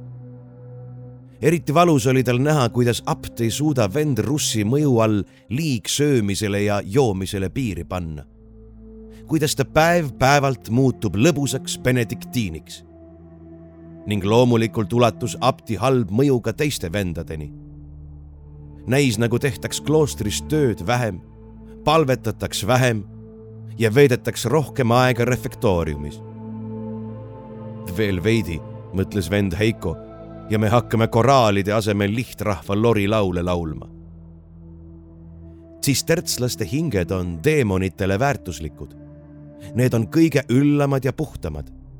kas mitte pole Esrumi klooster pühendatud pühale Neitsi Maarjale? kas pole tõsilugu see, et palvetades sattus kunagi ühe vaga munga hing taevasse ja ta rändas seal ringi, otsis tsistertslasi, kuid ei leidnud neid. Mitmeid muid munki ta nägi, kuid mitte oma ordukaaslasi. lõpuks küsis aastuses munk Jumala emalt, et kus siis on tsistertslased. ja naeratades paotas neitsi Maarja oma mantli hõlma. tsistertslased olid kõik seal Jumala ema poolt välja valitud mungad peavad sestap olema karmid ja vagad sest neid jahib saatan erilise innuga. Sellepärast võiski kloostris mitmel pool näha skulptuure, mis pühadele vendadele pidevalt pimeduse vürsti ahnust näitasid. ja nüüd on apt ise libedale teele minemas. kunagi varem polnud Esrumis juhtunud, et apt valitakse ümber, et oleks vaja kedagi väärilisemat tõtt-öelda oleks Sveni asemele nii mõnigi teine paremini sobinud. Tsistertslaste kord nägi ette, et aptiks võis vendade seast valida selle, kes on vähemalt kakskümmend neli aastat vana ja kel pole poisi nägu.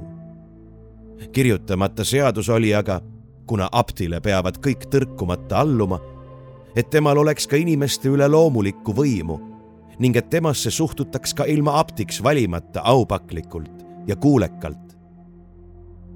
Cellarius Heiko ei olnud auahne inimene, ent tsistertslaste range eluviis oli tema jaoks kõige püham asi maailmas. ta otsustas aptil ja vend Russil salamisi silma peal hoida, et kõlvatud eluviisid ei hakkaks kloostris levima. jah, vähemalt nii palju võis ta teha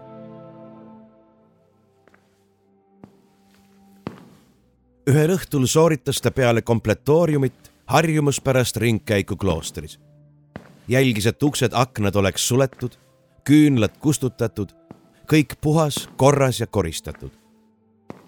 astudes mööda käiku edasi, sammud tuhmhallidelt kividelt vastu kõmisemas, jõudis ta kalefaktooriumist refektooriumini ja kuulis siis hääli. kuulis hääli ja sai aru, et need võivad tulla ainult refektooriumi kõrval asuvast köögist. mis tähendas, et vend Russ on veel seal ja polegi veel puhkama heitnud, mis omakorda on aga korra rikkumine.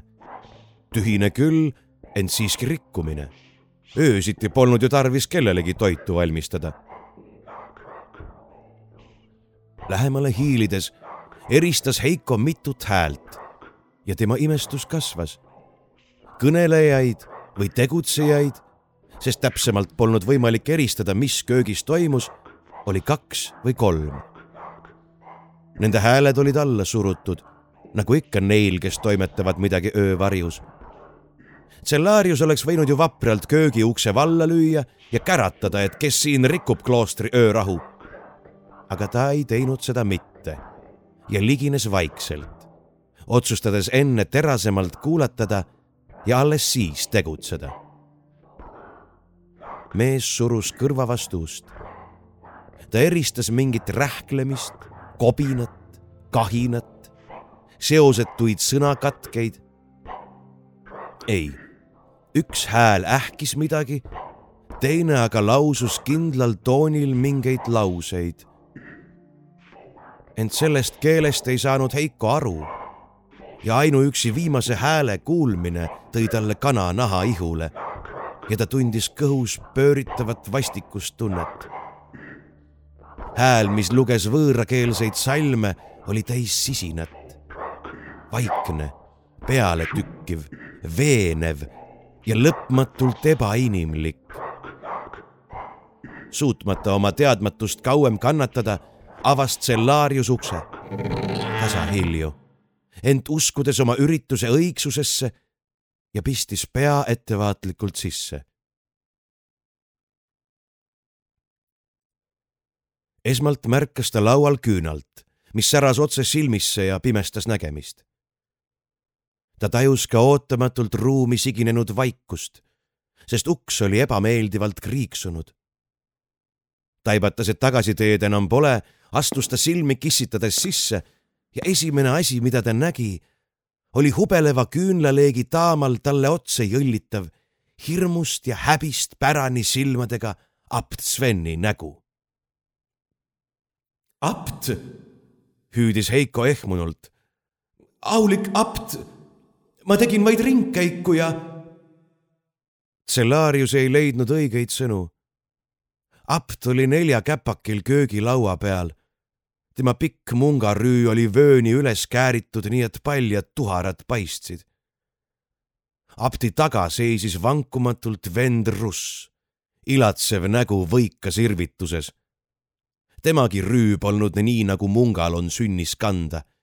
ent kui Heiko sisse astus, oli ta selle kiirelt langetanud. ent mitte nii kiirelt, et Cellarius poleks märganud, märganud pikka ikka välja kasvanud jätket russi ihust. mehelikkust, mis ei saanud kuuluda ühelegi tavalisele mehele. sest oma nooruspäevil oli ju Heikogi olnud patune ja mäletas nendest asjadest üht-teist, sest nõndavõrd pikk, konarlik, kärnaline ja ropult haiglase kujuga oli see. apt, kogeles Cellarius veel kord tundes tülgastust ja isegi hirmu, kui isegi patu lõhna ära tundis. apt, ma. aga ta ei jõudnud kaugemale, sest äkki tajus ta ruumi laskuvat vastikut külmust ja jäist hõngust. korraga hüppas vend Russ ettepoole ja kustutas tuuletõmbuses väreleva küünlaleegi. ja ühe hetke jooksul arvas Heiko enda nägemas ruumis kedagi kolmandat, kelle külmad ja kollakad silmad puurisid teda lae alt, nagu oleks kass roninud köögiriiulile ja varitsenud hetke, et sealt kellelegi küünistega kallale karata. aga ainult hetkeks, sest maad võtnud pimeduses sööstis apt ukse poole, ähkides ja tsellaariust kõrvale tõugates Heiko ei jäänud ootama, pomises vaid palve ja kiirustas apt Svenile järele, mõistmata isegi, mida ta oli näinud ja mida tal oli öelda. ta jõudis aptile järele välisukse juures, kuid ta ei kuulnud hirmunud mehe suust ühtegi arusaadavat sõna. too vaid paugutas ust, saatis Heikole ahastust täis pilgu ja kadus öhe. kogunud end veidi ja varustanud küünlaga suundus Heiko tagasi kööki, kuid leidis selle tühja ja vaiksena. mis iganes poleks seal ka aset leidnud, ei kõnelenud toimunust enam ükski tunnusmärk ning tubli munk hakkas isegi kahtlema, kas ennist viivuks silme ees kangastunud vaatepilt polnud mitte meelepete. segaste tunnetega läks ta magama, kuid tema uni üle mitmete aastate oli rahutu ja täis luupainajaid. hägustes ja katkendlikes unedes viirastusid talle vend russist välja kasvav ebainimlikult pikk, kõver ja kronksus jäikus, mida kõikjalt seirasid kiskjalikud, kollaselt miilavad silmad. aga nii palju, kui ka ei püüdnud Cellariuse teadvus, ei suutnud see meest kuidagi unest üles raputada, sundides teda vaatama lõpuni stseene mis olid hommikul mäletamiseks liiga hirmsad ja eemale tõukavalt jälgid. hommikul või õigemini öösel, sest matutiin toimub ju siis, kui tavalised inimesed veel magavad, oli Cellarius täiesti kurnatud ning nägi, et sedasama oli ka apt. kirikus oli kaks meest, kes ei suutnud korralikult psalme laulda. tema ise ja apt Sven Koidikul toimus laudes palvetund, kus pidid osalema kõik ilmikvennad ja muud kloostritöölised. Heiko silmad otsisid vend Russi ja ta nägigi teda. kokk põlvitas kiriku tagumises nurgas, seal kus alati. ja kui tema silmad kohtusid Cellariuse omadega, kumas neis ainult lõpmatult külm ükskõiksus ja ei mingit hirmu ega alandlikkust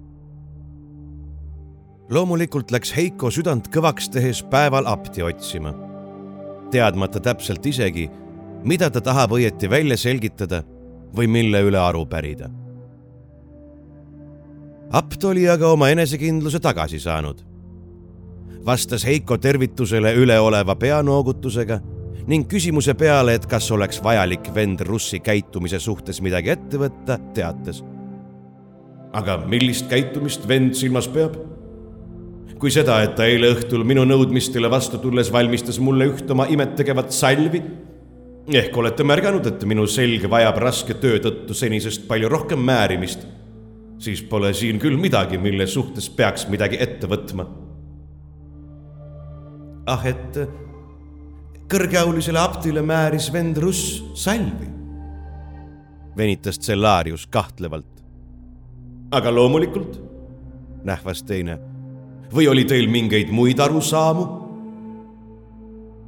kui oligi, jättis Heiko need enda teada, noogutas vaid ja eemaldus, et asuda oma igapäevaste toimetuste manu. sel päeval oli söök kloostris suurepärane nagu alati ja mitmed vennad nõudsid Russilt lisa. seda nad ka said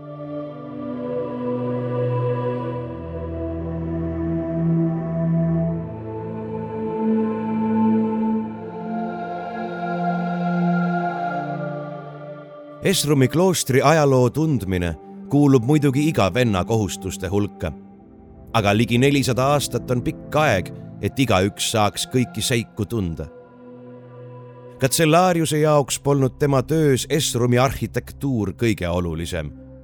kuid kummalised juhtumused, mis leidsid aset ikka seoses vend Russiga, viisid ta ühel sügispäeval uurima ürikuid, mis kõnelesid kloostri asutamisest ja ehitamisest pidades kinni iseendale antud lubadusest hoida koka tegemistel silm peal, külvates vahel mitmetähenduslikke vihjete ja kaksipidi mõistetavate lausetega kahtluse seemet teistessegi ustavatesse munkadesse ning tundes, et selline tegevus on hakanud ka mõnevõrra vilja kandma, sest kloostri prior Rupertki kortsutas tihtipeale vend Russi nime kuuldes kulmu, nägi Heiko ühel päeval kokka midagi kiriku ukse juures toimetavat.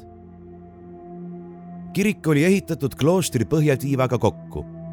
Ja nagu ikka tsistertslastel kombeks, oli see karm, range, kõle ja külm hoone, ilma torni ja igasuguste ilustusteta.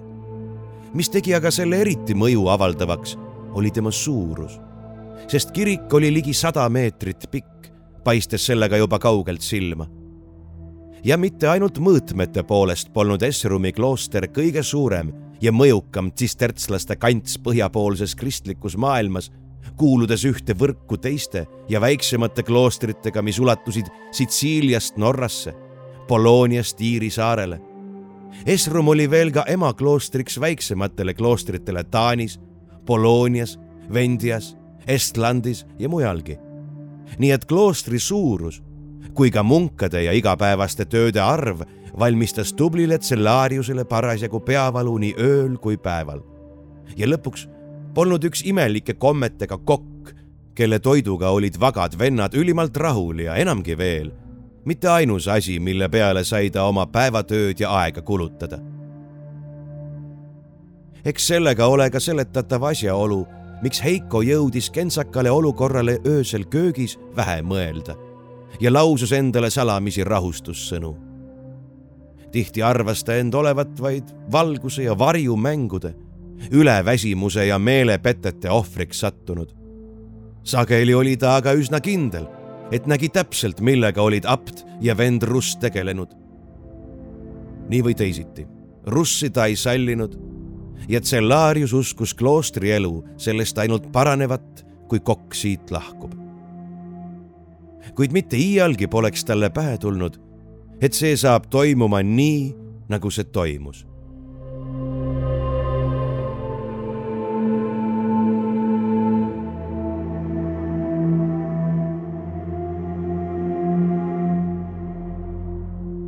rohkem, koguni poole aasta jooksul ei hakanud apt ega vend Russ talle millegagi silma ent metoodilise ja kindlameelse inimesena oli üks asi juba nõuks võetud ja nii kergesti ei kavatsenud Cellarius oma kavatsustest loobuda.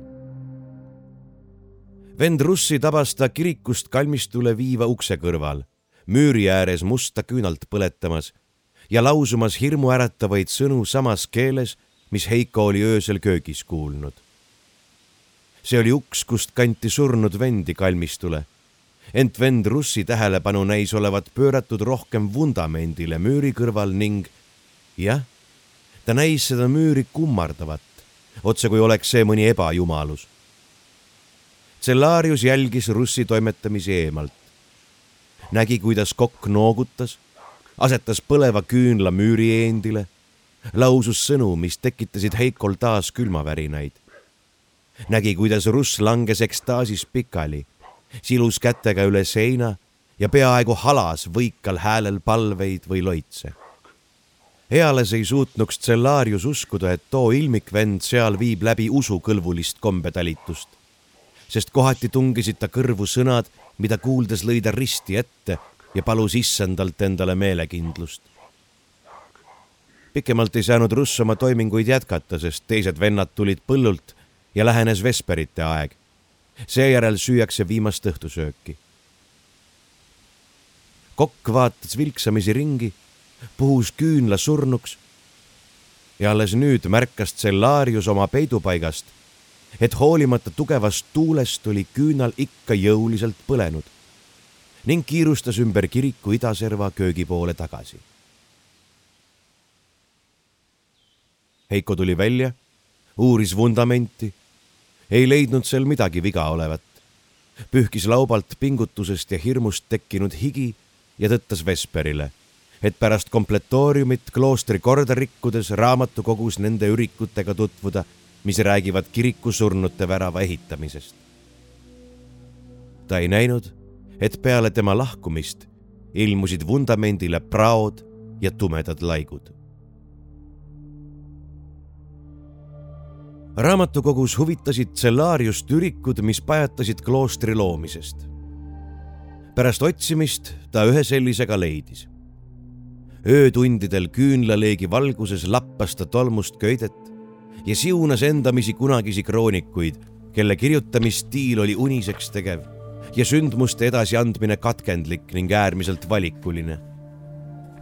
algul ei saanud ta teada oluliselt rohkem, kui juba teadis, et kloostri ehitasid benediktiinlased tuhande ühesaja neljakümnendal aastal Taanimaa arhipiiskop Eskili õnnistusel, kes juhtus olema ka Clairvaux püha Bernardi hea sõber. Ent klooster ei saanud jalgu alla enne, kuid siis tertslased selle tuhande ühesaja viiekümne esimesel aastal üle võtsid ja sellest ajast oli see õitsenud ja kasvanud, muutudes siinses maanurgas jumaliku valguse keskuseks. kiriku ehitamise kohta oli seal kirjas palju, ent silmapilgul ei paistnud midagi seesugust, mis võinuks seletada vend Russi huvi selle alusmüüri kohta. lõpuks, kui uni tikkus juba vägisi silma ja matutiini aeg tuli ähvardavalt lähedale, leidis ta ühe lõigu, ähmase, ebamäärase ent ometi kõneka. sest Eskil ise kutsuti Roskilde linnast siia kohale ja tema ise juhatas paganate müürimist kiriku vundamenti. Nende samuste, kes olid selle ehitamist oma nõidumise ja saatana väljamanamisega takistanud. Nende samuste kurjade jõudude poolt pimedusega löödud viletsate, kes veel elusana kinni müürimisel karjusid et saatana jõud on suurem kui inimese jõud ja kelle ulgumist oli veel mitmel päeval müüri tagant kuulda, ehkki süüa ja õhku sisse hingamiseks ei saanud seal enam olla. niiviisi näitas Eskil kõigile ümberkaudsetele ristimisest keelduvatele paganatele, et Jumala jõud on pimeduse vürsti jõust suurem Cellarius raputas hämmelduses pead. kahtles, kas kroonik ikka tundis ladina keelt kõige paremini ja vajus mõtteisse, mis peagi kandusid üle rahutuks uneks. ikkagi ei suutnud ta mõista, et kuidas võis vend Russ sellest kunagisest sündmusest midagi teada. Sest seda ürikut polnud juba ammu kellegi käed puutunud. ta otsustas oma leidudest kõnelda priorile prior lõi juttu kuuldes risti ette ja arvas, et ilmselt on kroonik vaid kuulu järgi sündmusi kirja pannud ning kindlasti sisaldab jutt palju metafoore, mida ei saa üks-üheselt jumalast sündinud tõsiasjade pähe võtta. ikka on kasutatud vundamendi täiteks konte või siis maetud pühameeste säilmeid kiriku alla, aga et paganaid ja elusalt. prior kõhkles sest oli näha, et tal puudub kindel seisukoht. igatahes leppisid mehed kokku, et vend Russi kahtlastel toimetamistel tuleb edaspidigi silm peal hoida. võimalik, et Russ oli haisu ninna saanud ja enam teda vundamendi juures ei nähtud. Järgmisel nädalal peatus Esrumi külas rändkaupmees, kes astus ka kloostrist läbi. mees oli juut ning kauples kaugetest maadest toodud vürtsidega esialgu taheti ta küll pühade müüride varjust minema ajada, ent Russ tegi temaga kaupa, mis viis ta Cellariuse juurde, kelle käes olid rahakassa võtmed ja kes pidi iga ostu isiklikult heaks kiitma. mida sa siis tahad selle juudi käest osta? Uuris vend Heiko umbusklikult.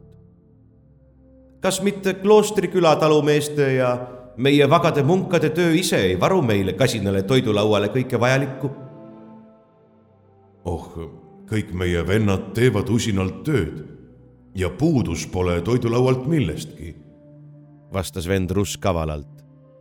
aga see mees pakub aineid, mis annavad igale toidule jumaliku maitse. Olen neid proovinud oma rännakutel ja. ning Russ laskus pikkadesse kirjeldustesse, et millise hõrgu maitse ja aroomi võivad idamaa vürtsid söögile anda ja nõnda tekkiski Tsellariuse ja teiste vendade vahel vaidlus, et kas kloostri toidulauda on tarvilik rikastada kaugelt maalt toodud pulbritega. Tsellariuse seisukoht oli kindel. meie, tsistertslased, pole küllust ja lõbuelu armastavad benediktiinid. meie toitume kasinalt ja vagalt ega vaja lisandusi, mis pärit paganate juurest, mida müütab juut ja mis andvad toidule sellise maitse, mida Jumal pole mitte maa sisse pannud. aga russi hõrgutistega olid ju paljud vennad juba harjunud. otse kui oleks kokk nad ära teinud oma ohtra söötmisega. nähes puhkemas sõnelust, lahendas russ selle ise ja ütles. mind innustab ainult soov kostitada vagasid vendi oma kõige paremate retseptide järgi. aga juut on muidugi juut ma panen ette, et räägin selle juudiga ja panen ta nõustuma olukorraga, kus ta ei saa meie käest mitte ühtegi krossi. ja vaid jumala sõnaga veenan mina teda oma kaupa meile loovutama. see ettepanek tundus paljudele mõistlikuna. Eriti neile, kes kannatasid liigsöömise all. ja Heiko meelehärmiks oli neid kloostris enamus järgmiseks nähti russi väljumas kloostrist, suur kott üle õla ja tegemas puude varjus juudiga kaupa. kaua see küll ei kestnud, sest juut lahkus kiiresti, kaubitseja kohta isegi liiga kiiresti, ega vaadanud hetkekski tagasi, ainult kannustas eeslit kiiremale sammule. Russ seisis peagi kloostri väravas, nägu rõõmust säramas ja kiigutas käes väikseid paunakesi kogu oma kraami oli ta nõus kloostrile loovutama, hüüdis ta. jätsis tertslaste seast kostis kiiduüminaid. seksti ajal, mil mungad palvetasid, levis üle kloostri hõrke ja võõrapäraseid aroome. russ keetis köögis vürtsitatud roogasid. Ainult Cellarius mõtiskles, et mis küll võis peituda russi kotis, kui too kaubitsema läks ja milliste sõnadega veenas ta juuti. see mees, mõtles vend Heiko, peab olema lausa saatan ise, kui ta suutis kaupleja juudi ilma rahata oma nõusse rääkida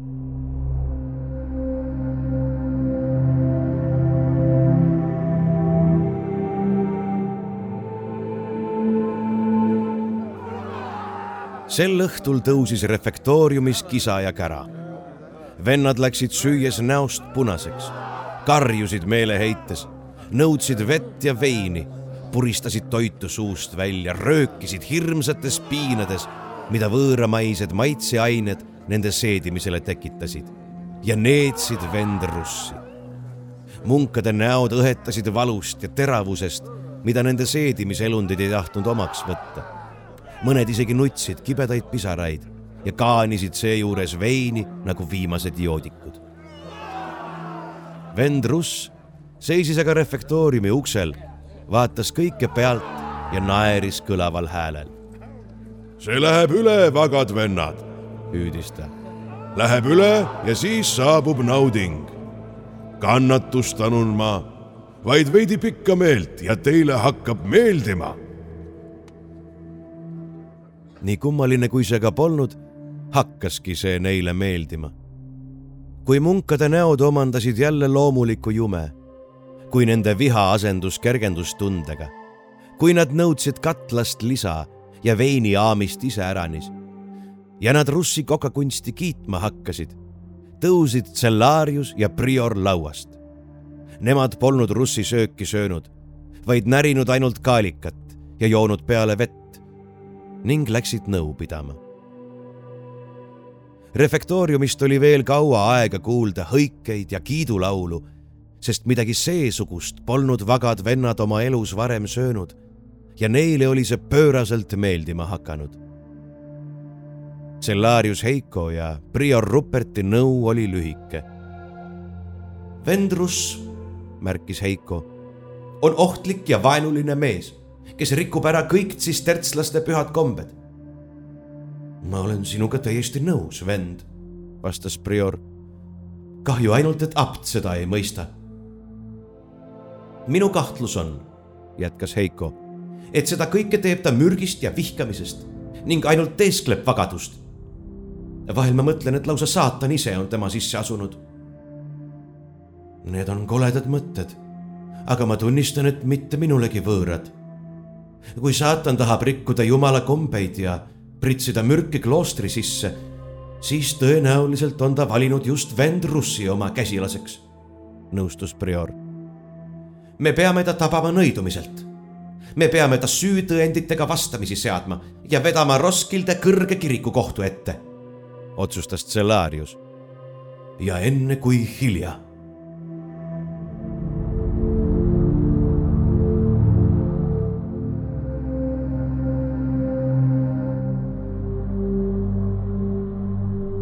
saabusid ööd täis seletamatusi ja õudusi.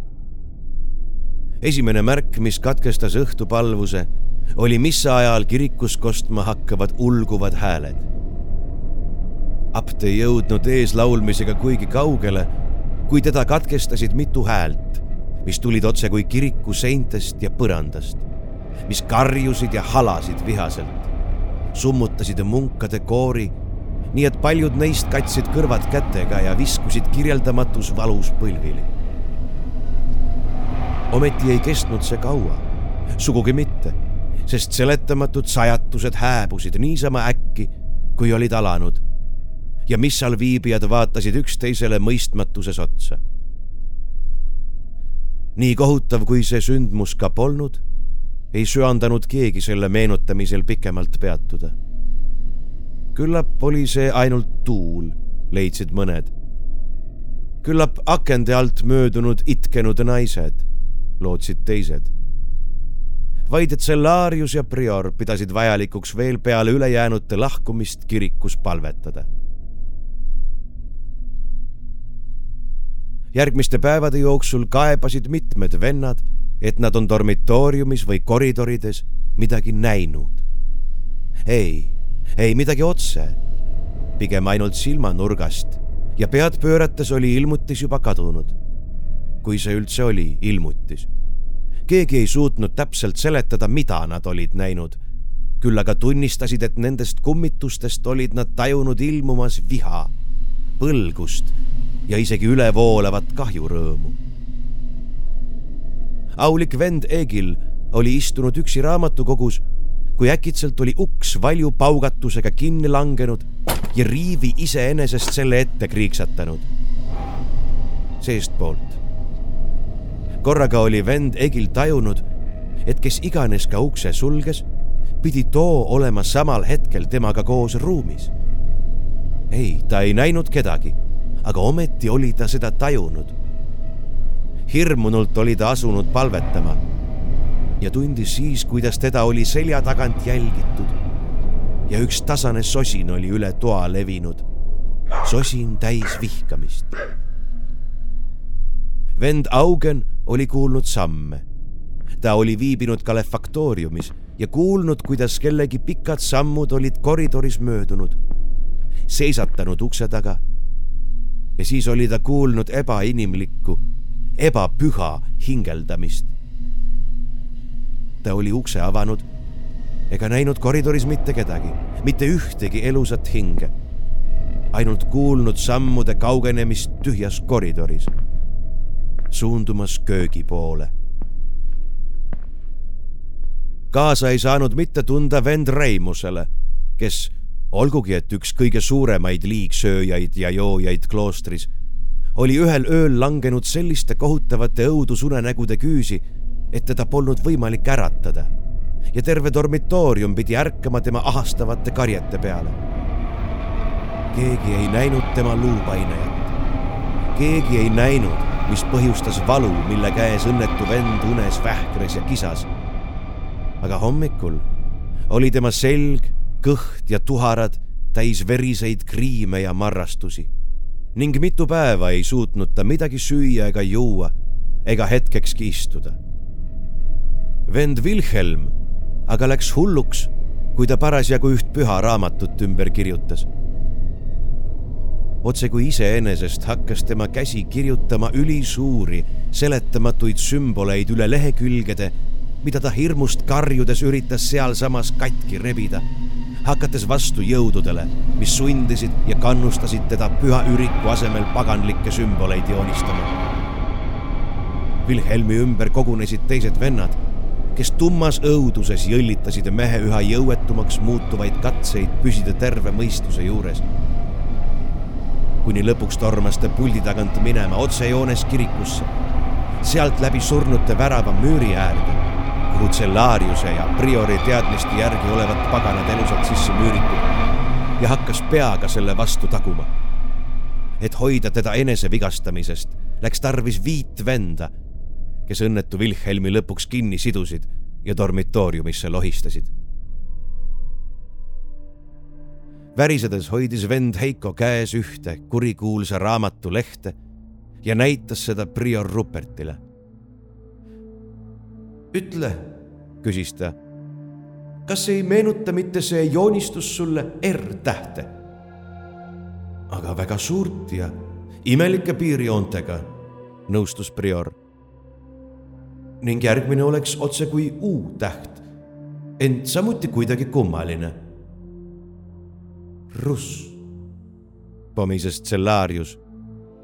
vend Russ.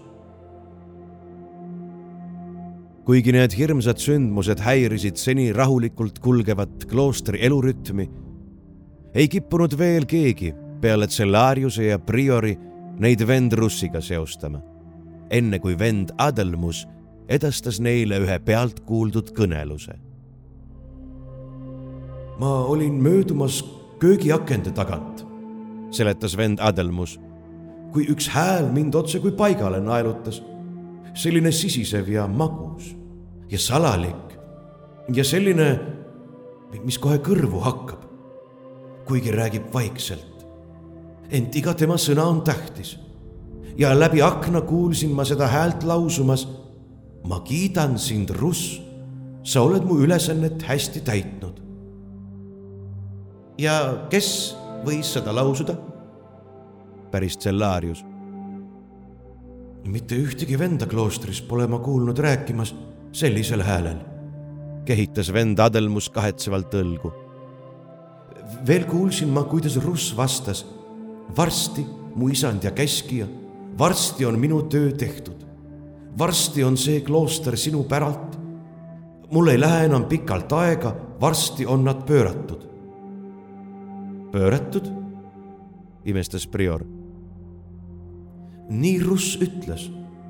veel ütles ta, et varsti on see pühakoda ja see sõna kõlas tema suust põlgusega. sinu rõõmudele ja igavikulistele peibutustele valla, mu käskija kas sa nägid, kellega Russ kõneles? ma ei julgenud aknast sisse piiluda, tunnistas värisev munk. issanda ihuõnnistuse nimel ei julgenud ma seda teha. kas Russ ütles veel midagi? ta kõneles veel midagi tänasest ööst, kostis munk. midagi taolist, et täna viib ta läbi viimased rituaalid ja see võigas hääl kiitis teda selle eest ütleski ta just, et rituaalid, küsis Cellarius. jah, aulik vend Heiko, just nii ta ütles. siis peame meiegi täna öösel tegutsema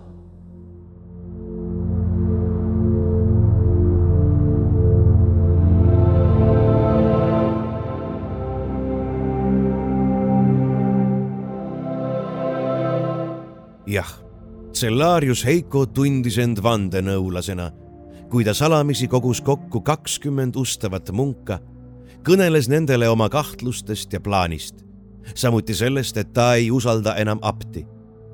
ja vennad vastasid talle, et apt on tõesti hülgamas paljut, mis on tsistertslastele püha ja et ta liialt sööb ja joob ning üha rohkem laskuvat üle kloostri vend Russi kuritahtlik käsi.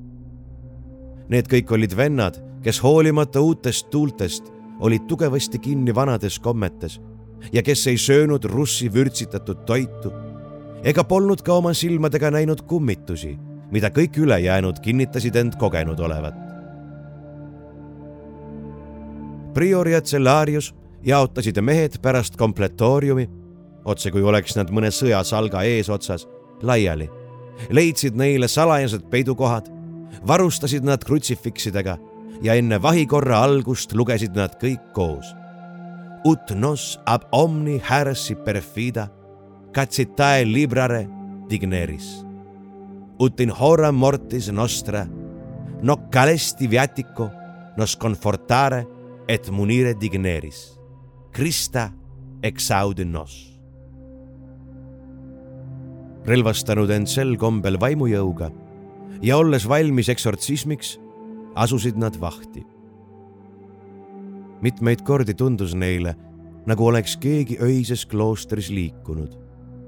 nagu oleks nad näinud viirastusi. ent ikka ei juhtunud midagi, mis oleks sundinud neid peidukohast välja tulema, astuma vastu vend Russi salakavalatele plaanidele. aga lõpuks ta tuli, vend Russ tuli ja suundus läbi pika käigu köögi poole, olles ilmikvendade dormitooriumist jalga lasknud mitu tundi enne, kui selleks sundisid kohused köögis. ta tuli ja isegi hämaruses oli tema näol näha kurjaendelist irvet, kui ta endamisi võikas keeles loitse pomises. see polnud see vend Russ, keda nad olid harjunud nägema. see oli teemonlike jõudude poolt haaratud mees hirmuäratav oma ebamaisuses ja pühendumises. aga viimast polnud siis tertslastel vähem. vend Russ läks kööki ja mõne aja pärast olid vennad selle ümber piiranud. Russ oli lõksus, mida iganes poleks ta ka toimetama hakanud, milliseid jõude endale appi kutsunud, ei saanud need ometi olla vägevamad kui mitmekümne andunud ja tõelise tsistertslase meelekindlus ja usk. viivu pärast oli õhus tunda suitsulõhna ja kuuldus leekide praginat. vend Russ oli süüdanud koldes tule ja hakkas suure raami peal seisvas katlas leent keetma.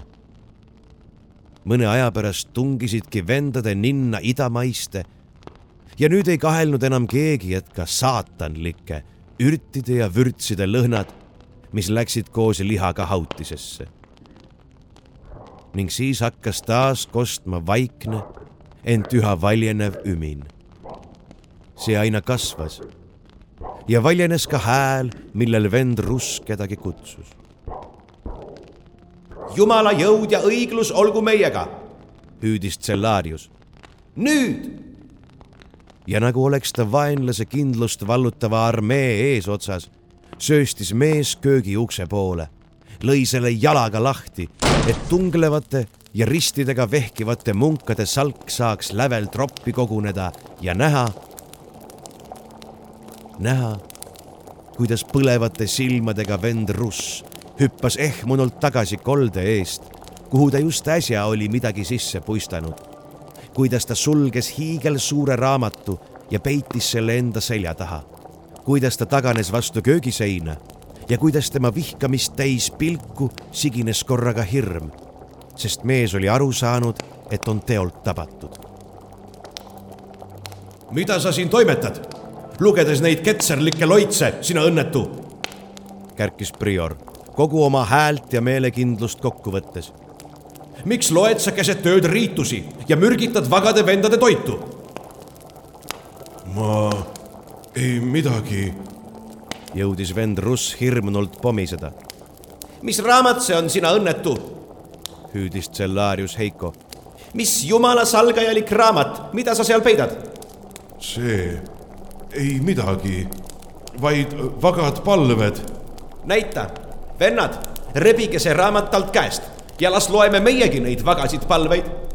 püha neitsi nimel, edasi trobikond tsistertslasi valgus kitsukesse kööki ja sööstsid vend Russi poole, kes kangekaelselt ja meeleheitlikult vastu pannes astus kolde poole, et haarata suure keeduraami alt põlev halg ja sellega vagasid vendi eemale peletada.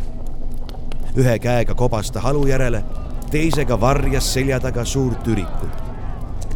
kümned käed haarasid tema järele mitmed neist said põletusi leekivast londist ja see tekitas viha, süstis vendadesse raevu ning õiglustunnet. seejärel tabasid vend Russi esimesed rusikahoobid. Te neetud, karjus Russ. te haiged marutõbised koerad, te sitased alandlikud orjad, te roojased vagatsejad, te reeturid, ussikesed, te põlege, põlege ja lämbuge oma haisvas pasas ta röökis ja röökis ning üritas endiselt põleva haluga vendi süüdata. kuid viimaste jõud ületas tema oma. lootusetus võitluses tõrjuti ta üha enam keeva katla suunas, kuni kellegi rusikahoop pani ta tasakaalu kaotama. vend vaarus, karjatas valust, tundes selja vastas kuuma katla serva ning järgmine löök, sedapuhku puust ristiga saatis ta üle katla ääre, peadpidi keevasse vette. käratsevad ja vihast raevunud mungad ja neid tuli dormitooriumist üha juurde, sest võitluskisa oli teisedki üles äratanud. kogunesid õhku ahmides kolde ümber ja jõllitasid seletamatus õuduses keevas vees visklevat meest. Kuumad pritsmed lendasid katlast ja see sundis munki sammukese tagasi astuma. korraga kerkis katlast välja russi pea, mis oli täis keevas vees saadud haavu ja põletusi. tundus, et tema silmad ei näinud enam ja see üleni punaseks värvuv ja paisuv pea, mille ümber mullitasid karvad ja riidetükid ning tõusid õhku keeva inimlihaga segunevad teravate idamaiste vürtside aroomid saatis õudusest tummade munkade poole oma viimased sajatused. ilatsejad, vastikud perselakkujad, munniimejad, minu eest makstakse kätte. Neetud, saatan on suurem, oh palju suurem kui inimene. Te ei tea, te rõgased litapojad vend Russi viimased karjed vaibusid seosetusse soigumisse, mille summutas peagi keeva vee mulksumine, kui mehe pea vajus taas vee alla. väike köök oli tsistertslasi täis kogunenud, ent mitte keegi, mitte ainuski hing ei teinud katset vend Russi päästmiseks. niivõrd tummaks ja abituks oli neid nõidunud hirmuäratav vaatepilt vend Russ kees surnuks, kees sodiks ja üle kõige võttis võimust talumatult vänge keenud liha, vere, kuse ja soolikate hais, mis kõik pinnale kerkisid, moodustades püdela punakas-kollase massi ning milles helpis räbaldunud inimkeha. hirm ja paanika tuli hiljem, ent vaibus taas hauavaikuseks kuid Cellarius Heiko tõstis maast raamatu, mida vend Russ oli oma elu hinnaga kaitsnud. see oli kõige suurem raamat, mida mungad kunagi näinud olid. ja vaevalt saavad nad oma elus nägema suuremat. sest ürik oli ligi poole inimkeha pikkune ja meetri jagu lai. seda oli raske avada ja pöörata pargitud vasikanahast lehekülgi mida katsid labakäe suurused, veidras keeles kritseldatud tähemärgid. ei olnud keeruline taibata, et ükski terve mõistuse juures viibiv olend sellist raamatut ei kirjutaks. ega joonistaks neid pilte luupainajalike stseenidega, koletuid fantasme, mida võivad sünnitada vaid väga haiged mõttekujutlused. raamatust lausa õhkas ebainimlikkust tummas jahmatuses silmitsesid vennad pilte. piinlikult detailitäpseid joonistusi koletislikest rituaalidest ja elusalt müürimistest, kuni jõudsid kohani, mis pani nende kurgust karja vallanduma. sest nende ees avanes vend Russi nägu, kes siinsamas köögis toppis väikesi lapsi katlasse ja pakkus siis neid hõrgutistena munkadele siin oli illustratsioon aptist, ja mida seal täpsemalt kujutati, ei julenud ükski vend meelde jätta. jah, ka endi näod tundsid vennad piltidelt ära. Ja vaid kõige vapramad neist suutsid vaadata viimast lehekülge, mis kujutas tule asemel katlas keevat vend Russi, kelle ümber seisid võidurõõmsate nägudega Cellarius Heiko, Prior Rupert ja kõik teised, silmitsemas maailma kõige suuremat raamatut mida kindlasti polnud kirjutanud ükski inimene ja mille tagakaanel seisis justkui hoiatuse või mõnitusena vigases ladina keeles. Diabolus superior qui homo est. saatan on suurem kui inimene